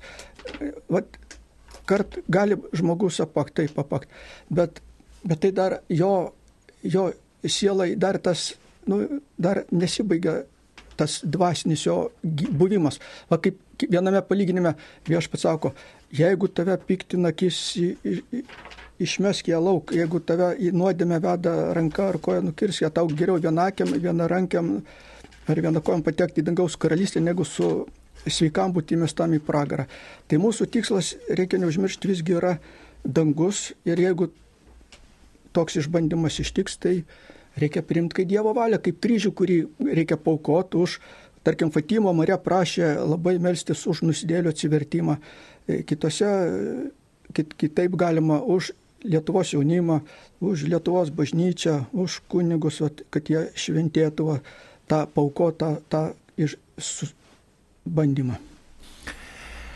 Taip, tai e, tikrai laikykitės e, tikėjimo ir stenkitės taip pat remtis ir į kitus žmonės, ypatingai tuos, kurie panašią lygą turi, su gydytojais pasitarkit, nes į bendraminčius, bendros lygos kamuojamų žmonės remdamiesi taip pat nesam vieniši. Tikrai Linkime, kad neliktumėte vieniša su savo um, liūdna diagnoze, prognozėmis, kad e, apie tai negalvotumėte.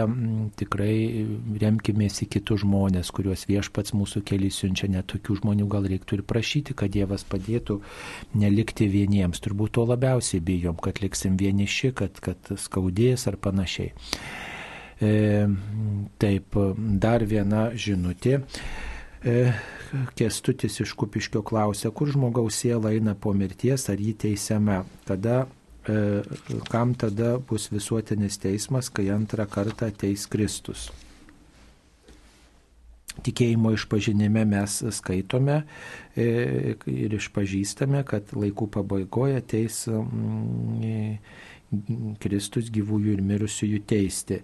E, žodžiu, laikų pabaigoje. Tada paaiškės kiekvieno žmogaus elgesys, mūsų širdžių paslaptis ir bus tada tas pasmerktas e, žmogaus netikėjimas, apsileidimas, kai jis paniekino siūloma Dievo malonė, Dievo pagalba. Ir tuomet ir mūsų tikėjimas bus vertinamas, ir mūsų elgesys su artimu bus įvertintas ir viešpats pasvers, ar meilė buvo pakankama mūsų gyvenime. O jums turbūt sunku suderinti, reiškia, po mirties ir paskutinio teismo datas, ar ne? E, numatot, mes laikę tą kažkaip sveriame, mums tas laikas egzistuoja, čia dabar yra, vat, o kažkada bus laikas, kai, kai, kai reiškia, ateis Kristus, bet matot, Dievui laiko nėra. Dievui yra dabartis, viskas yra dabartis. Tai matot, mūsų protas net to apriepti negali. Ne? Kas bus, jei sutampa tas paskutinis teismas ir, ir, ir tas teismas po mirties. Nes viešpats yra virš laiko, jo sprendimai virš laiko, virš erdvės, virš, virš šitų visų kategorijų, kurias mes įvertiname. Jeigu norite nu, kažkaip šitą mintį nu, įvertinti, nu, kažkaip labiau suprasti, nu, galim irgi tą skaistyklos priimti tokią tiesą, kad žmogus tam, kad galėtų e, štai stoti prieš Dievą, jis turi vis dėlto nuskaidrėti, ar ne, tai, tai jam reikalinga ta būsena. Tai vad skaistikla yra ta būsena, kuri kuri štai, na, kuri padeda mums būti ir laukti to Kristaus antrojo teikimo, tam tikras laikotarpis, kuris padeda atsilyginti už tas klaidas, jeigu mūsų gyvenime buvo tikėjimo. Bet Dievui nuolat yra dabar, va, tas nuolat Dievui dabar turbūt šitą klausimą geriausiai išsprendžia. Aišku, protų sunku suvokti, bet žinot, Dievo paslaptis ne mūsų protuje priepiamos. Tikrai čia tas pats, kas, žinot, įkristi į vandenyną ir nežinoti, kurią pusę plaukti. Bet be Dievo pažadas yra toks ir, ir, ir taškas. Ir, ir mm, tiesiog žmogiškom jėgom, kaip iš vandenyno tu neišplauksi, žinai, savo jėgom į krantą, taip ir, taip ir Dievo paslapčių žmogiškų protų nepaaiškinsi. Tiesiog yra taip, kad viešpats sakė, ateisiu teisti gyvųjų ir mirusiųjų. O, o tas dabar asmeninis teismas, aišku, kad, kad svarbu ne, neišeiti su nuodėmių našta. Nėra skirtumo, ar bus vienas teismas, ar bus keli teismai, kaip jūs atrašote. E, svarbu, kad reikės atsakyti už mano netinkamus pasirinkimus, tai dėl to dabar svarbu pasirinkti atgailos kelią. Taip, dar viena žinutė e, prašom paaiškinti, kokia prasme vietoj gražaus žodžio rožančių sugalvota sakyti rožinis, kartais net rožynas. Ačiū. nurožančius, matot, čia, e, man atrodo, amžinatilsi kunigas Aliulis e, šitą jam užkliuvo, kad e, rožančius yra nuo lenkiško žodžio rožanės, reiškia, kad sulietuvinta lenkiška forma, rožanės, rožančius ir sako, reikia lietuviškesnį. Na, va, ir pasirinko rožinį, sakyti, ne. ne tiesiog rožinį sakyti tam, kad pabrėžtų šito, šito, šitos maldos va, tokį uh, nu, šitos maldos pavadinimą apibūdintų. E, aišku, lietuviškai tai reikėtų sakyti rožynas turbūt, nes visom kitom kalbom, pavyzdžiui, latiniškai rozarium, reiškia yra, e, rozarium yra tas, kur rožių darželis rožynas ir taip pat malda rozarium, nes mes savo maldą tarsi gėlių vainiką, tarsi rožių vainiką, gražiausios gėlės tradiciškai vainiką pina Marijai, bet vad kalbininkai taip sugalvojo, kartu gal Aliulio, kunigo Aliulio lydimi, kad vad štai tokią formą pasirinkti pasirinkti. Aišku, galima tą turbūt tikriausiai ir peržiūrėti tą pavadinimą. Nu, kai kurios formos e, lenkiškų žodžių sulietuvintos yra įsitvirtinusios ir niekas jų nekvestionuoja. Pavyzdžiui, e, klebonas, klebonija, tai nuo lenkiško žodžio plebanija. E, va, plebanija reiškia klebonija. Ir yra kitų lenkiškų žodžių, kurie, kurie reiškia yra sulietuvinti ir niekas dėl to Dėl to, reiškia, nesuka galvos, bet jie tapo tokiais įprastais. Tai gal ir rožančius galėtų pretenduoti į tokį lietuvišką, e, sulietuvintą ir priimtiną žodį. Ir galėtume atsisakyti to rožinio, kuris tarsi spalvą apibūdina, bet ne, ne maldos esmė. Arba tada kažkas galėtų pasiūlyti, kad rožančių vadinti rožynų. Tai nežinau, ar čia esminis dalykas, kuris, sakykime, tą mūsų maldą kažkaip apibūdina. Na, čia sutarimo turbūt dalykas yra. Svarbu, kad mes tą rožinį, rožančių arba rožyną iš tiesų melstumėmės ir pintume maldų vainiką mergeliai Marijai. Mums paskambino. Antanas iš Klaipėdos. Taip, Antanėlį, klauskite. Mano klausimas toks. Koks Marijos sužadėtinių ir Jėzaus globėjų Juozapo likimas? Ar jis mirė ir buvo palaidotas žemėje, ar jis buvo paimtas į dangų? Aš kažkaip apie tą nežinau, nieko norėčiau paaiškinimų. Paimtas į dangų tikrai nebuvo, mes tokių e, duomenų neturime. E, yra vis, nėra tiksliai žinoma, kur yra Juozapo kapas. Tiesiog, na, viena iš versijų, kad jis yra Nazarete, bet tiesiog nėra tiksliai tos jo kulto vietos, tokios tikslios, tikslios nėra, bet šiaip tai su Nazaretu visada buvo siejama Juozapo palaidojimo vieta kaip pavyzdžiui žinoma mergelės Marijos palaidojimo vieta arba kitų šventųjų, Jėzaus palaidojimo vieta žinoma, tai Juozapo, dėl Juozapo palaidojimo vietos yra įvairiausių diskusijų, bet jis mirė, kaip ir kiekvienas žmogus miršta, nebuvo paimtas į dangų. Tiek galėtume pasakyti. Nebe... Dar pridurčiau, kad visgi tikima, kad jį prie mirties palydėjo jam žinybę Jėzus ir Marija ir jis yra laikomas geros mirties globėjų. Taip, kad reiškia Jėzus dalyvavo jo mirtyje, tai mes trokštame, kad ir mūsų mirties akimirka Jėzus, su, Jėzus dalyvautų arba mes Jėzų priimtume, susitaikytume su Jėzumi savo mirties valandą. Taip, dabar dar viena tokia žinutė, kuris skamba taip. E, prašau paaiškinti nuodėmės žodžiais, mintimis ir apsileidimais. Taip kaip mes sakom, toj prisipažįstu, taip vadinamai maldonos Dievo mintimis, žodžiais, darbais ir apsileidimais.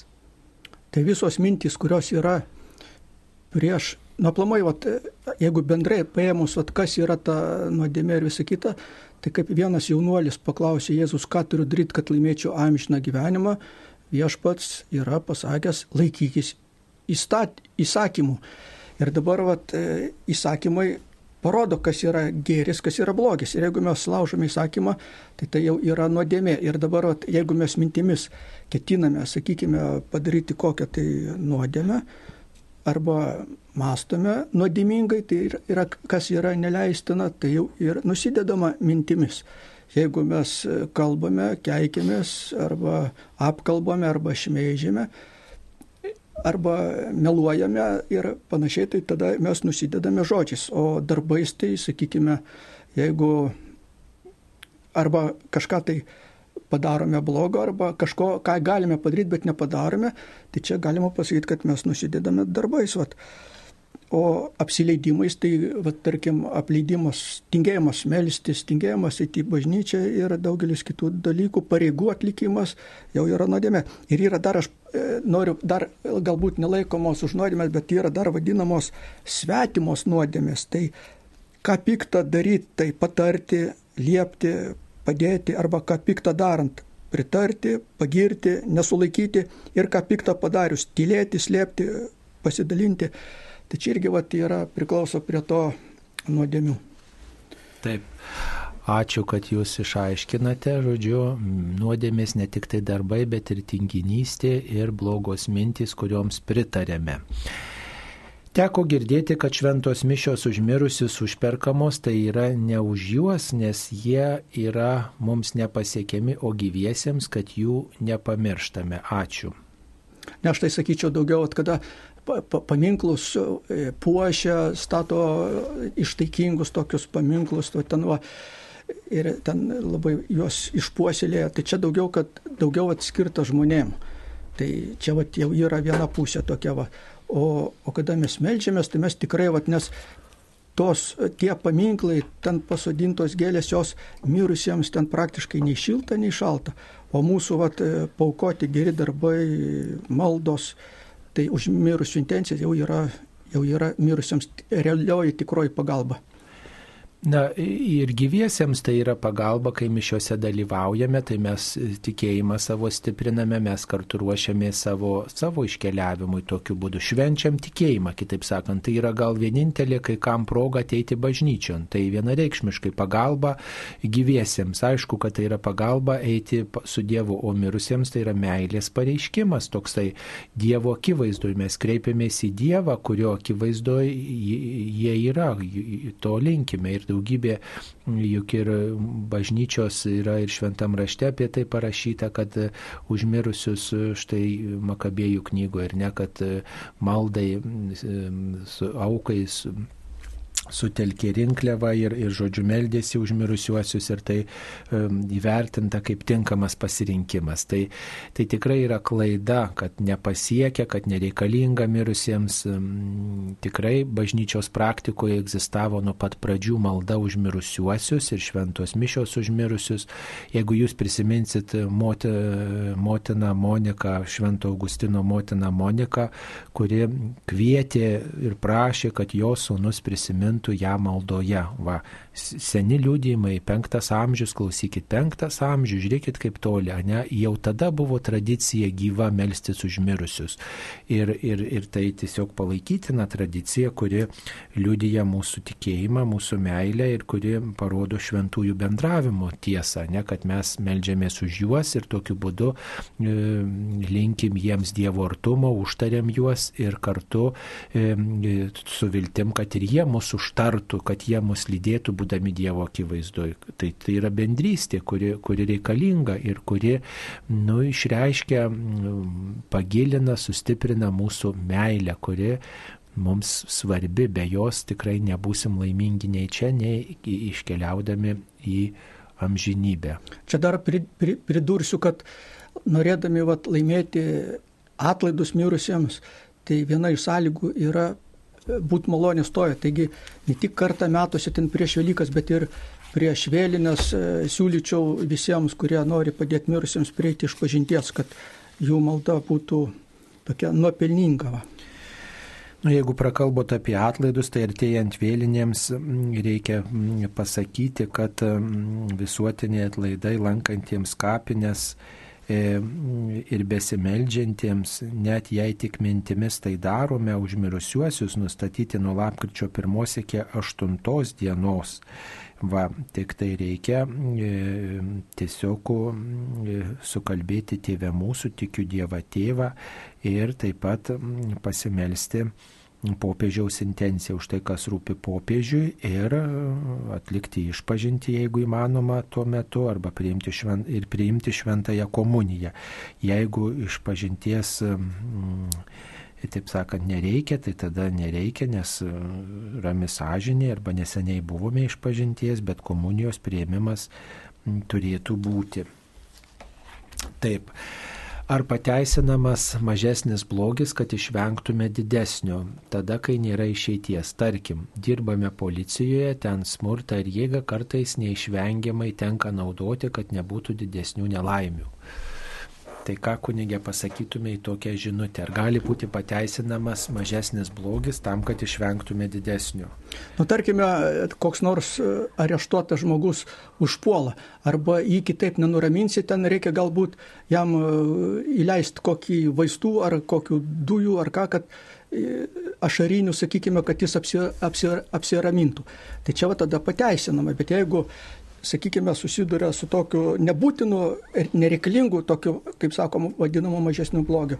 Ir arba į būtiną ten kažkaip iš, iš padėties va taip vartot. Tai galima tada galbūt pakeisti darbą, kad tada nereikėtų tokio darbo dirbti. Na taip, blogis yra blogis, bet e, čia kaip mažesnė išeitis gali būti, bet tikrai ne, nėra tas lengvai pateisinama. Reikėtų vengti bet kokio blogio, kaip tik įmanoma. Kokią maldą kalbėti po palaiminimo per šventasias mišes?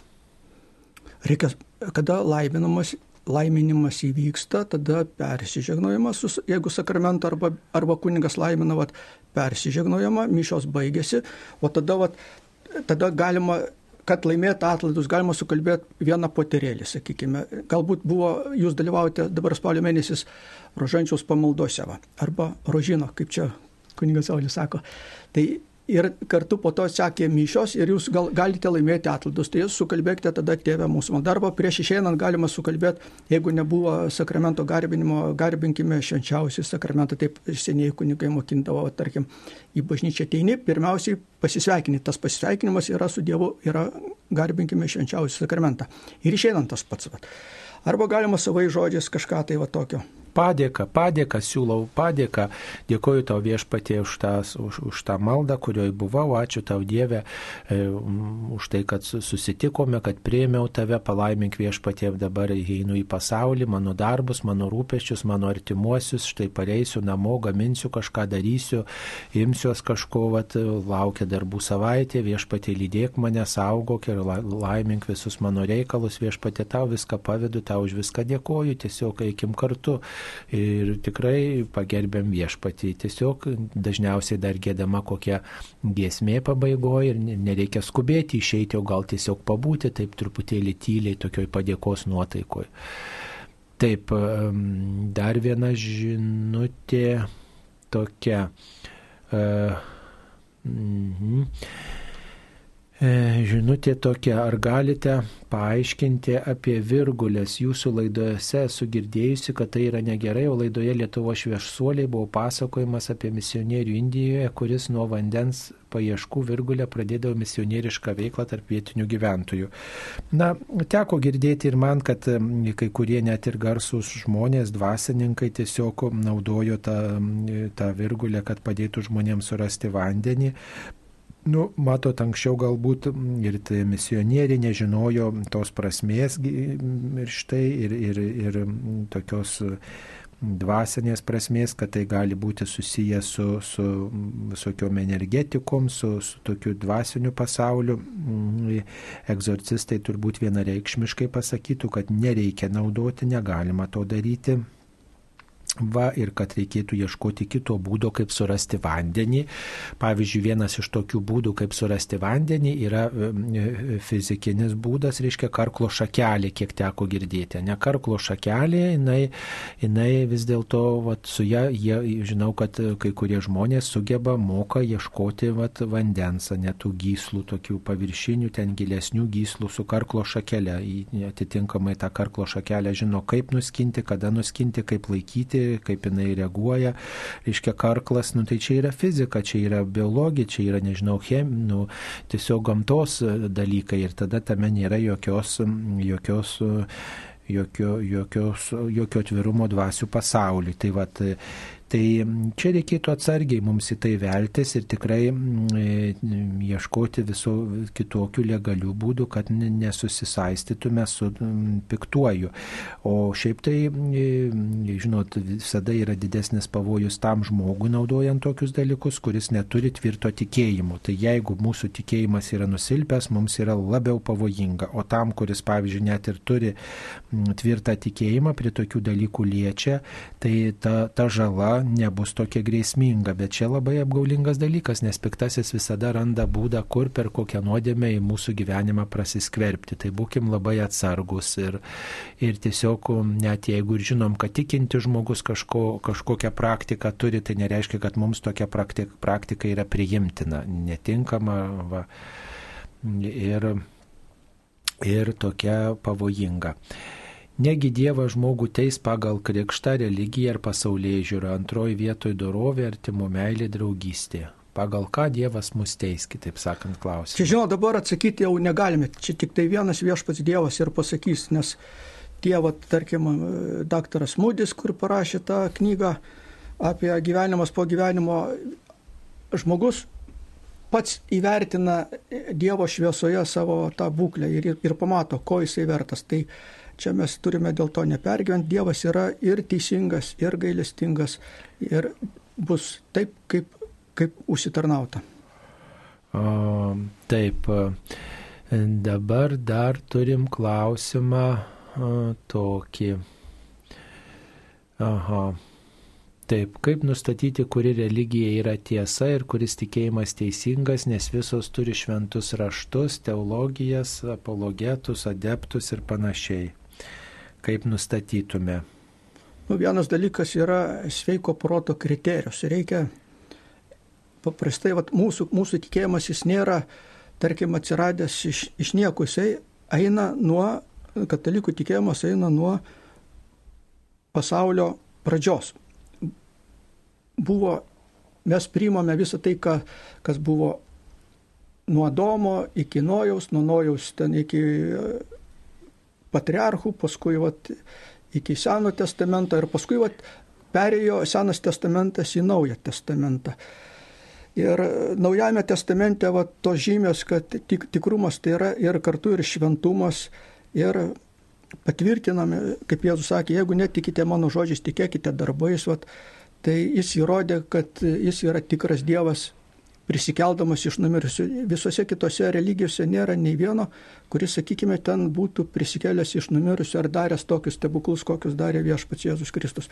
Ir tie stebuklai laikė nesibaigia, jie ir toliau, at, sakykime, šventieji darydavo tuos stebuklus, tie stebuklai patvirtina arba, sakykime, Marijos apsireiškimai, švento rašto pranašystės įsipildžiusios, nėra ne vienoje kitoje religijoje, kad ten prieš e, šimtus metų įvykusios pranašystės įsipildytų. Yra, tarkim, e, kiti tokie antgamtiniai įvykiai kaip šventųjų kai kurių kūnai, kurie negenda, vat, Lietuvoje šventas Kazimieras, vat, jo šventumas toks, vat, ir mūsų tikėjimas pasiekia tą šventumą, tarkim, žmogaus, kuris pasiekia žmogiškos esmės tobulumą sekdamas šituo tikėjimu.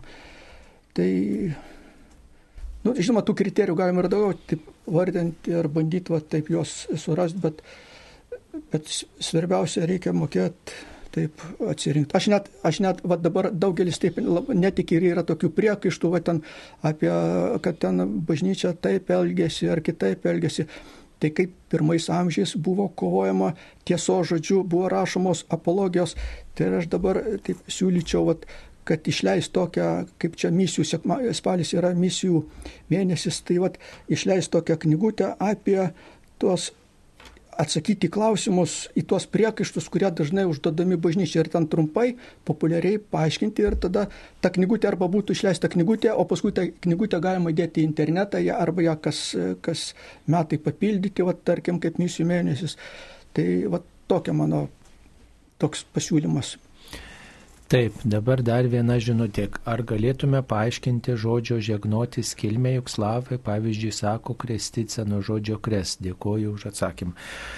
Na tai žodis žegnonė yra kilęs nuo lenkiško žodžio, panaši šaknis yra, e, kuri reiškia taip pat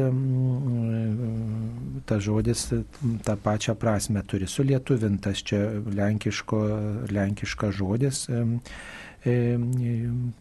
vat, ir, ir tiesiog įsitvirtinęs mūsų, mūsų kalboje. Va, o, o kristica nuo krest labai teisingai e, sakoma. Tai tiesiog mes tikėjimą perėmėm iš Lenkų, žinot, ir, ir tikrai daug tų žodžių yra įsitvirtinę iš Lenkų kalbos, tai šitas žodis taip pat vienas iš tų, kurie e, sulietuvinti mūsų kalboje. Tai e, vis tiek tai reiškia Kristaus Dievo pagarbinimą ir Kristaus kryžiaus prisiminimą. Panašiai tie terminai kaip iš kompiuterio, iš interneto irgi ateina iš anglų kalbos, jie dabar lietuviško atitikmenų nėra, tai jie naudojami tokie. Taip, tai gal kažkas kažkada sugalvos, bet čia jau senos, senos tradicijos yra, jų ir laikomis. Taigi, mėly Marijos radio klausytojai, tiek suspėjome atsakyti šiandien jūsų atsiustus um, klausimus. Ačiū kunigui Robertui Skrinskui iš e, Kedainių rajono Šėto švenčiausios treibės parapijos. Ačiū, kad dalyvavote laidoje. Ačiū Jums, mėly Marijos radio klausytojai, kurie klausėtės ir skambinote bei rašėte žinutės prie mikrofono. Buvo už kunigas Saulis Bužauskas. Ačiū, sudė. Sudėjau, ačiū.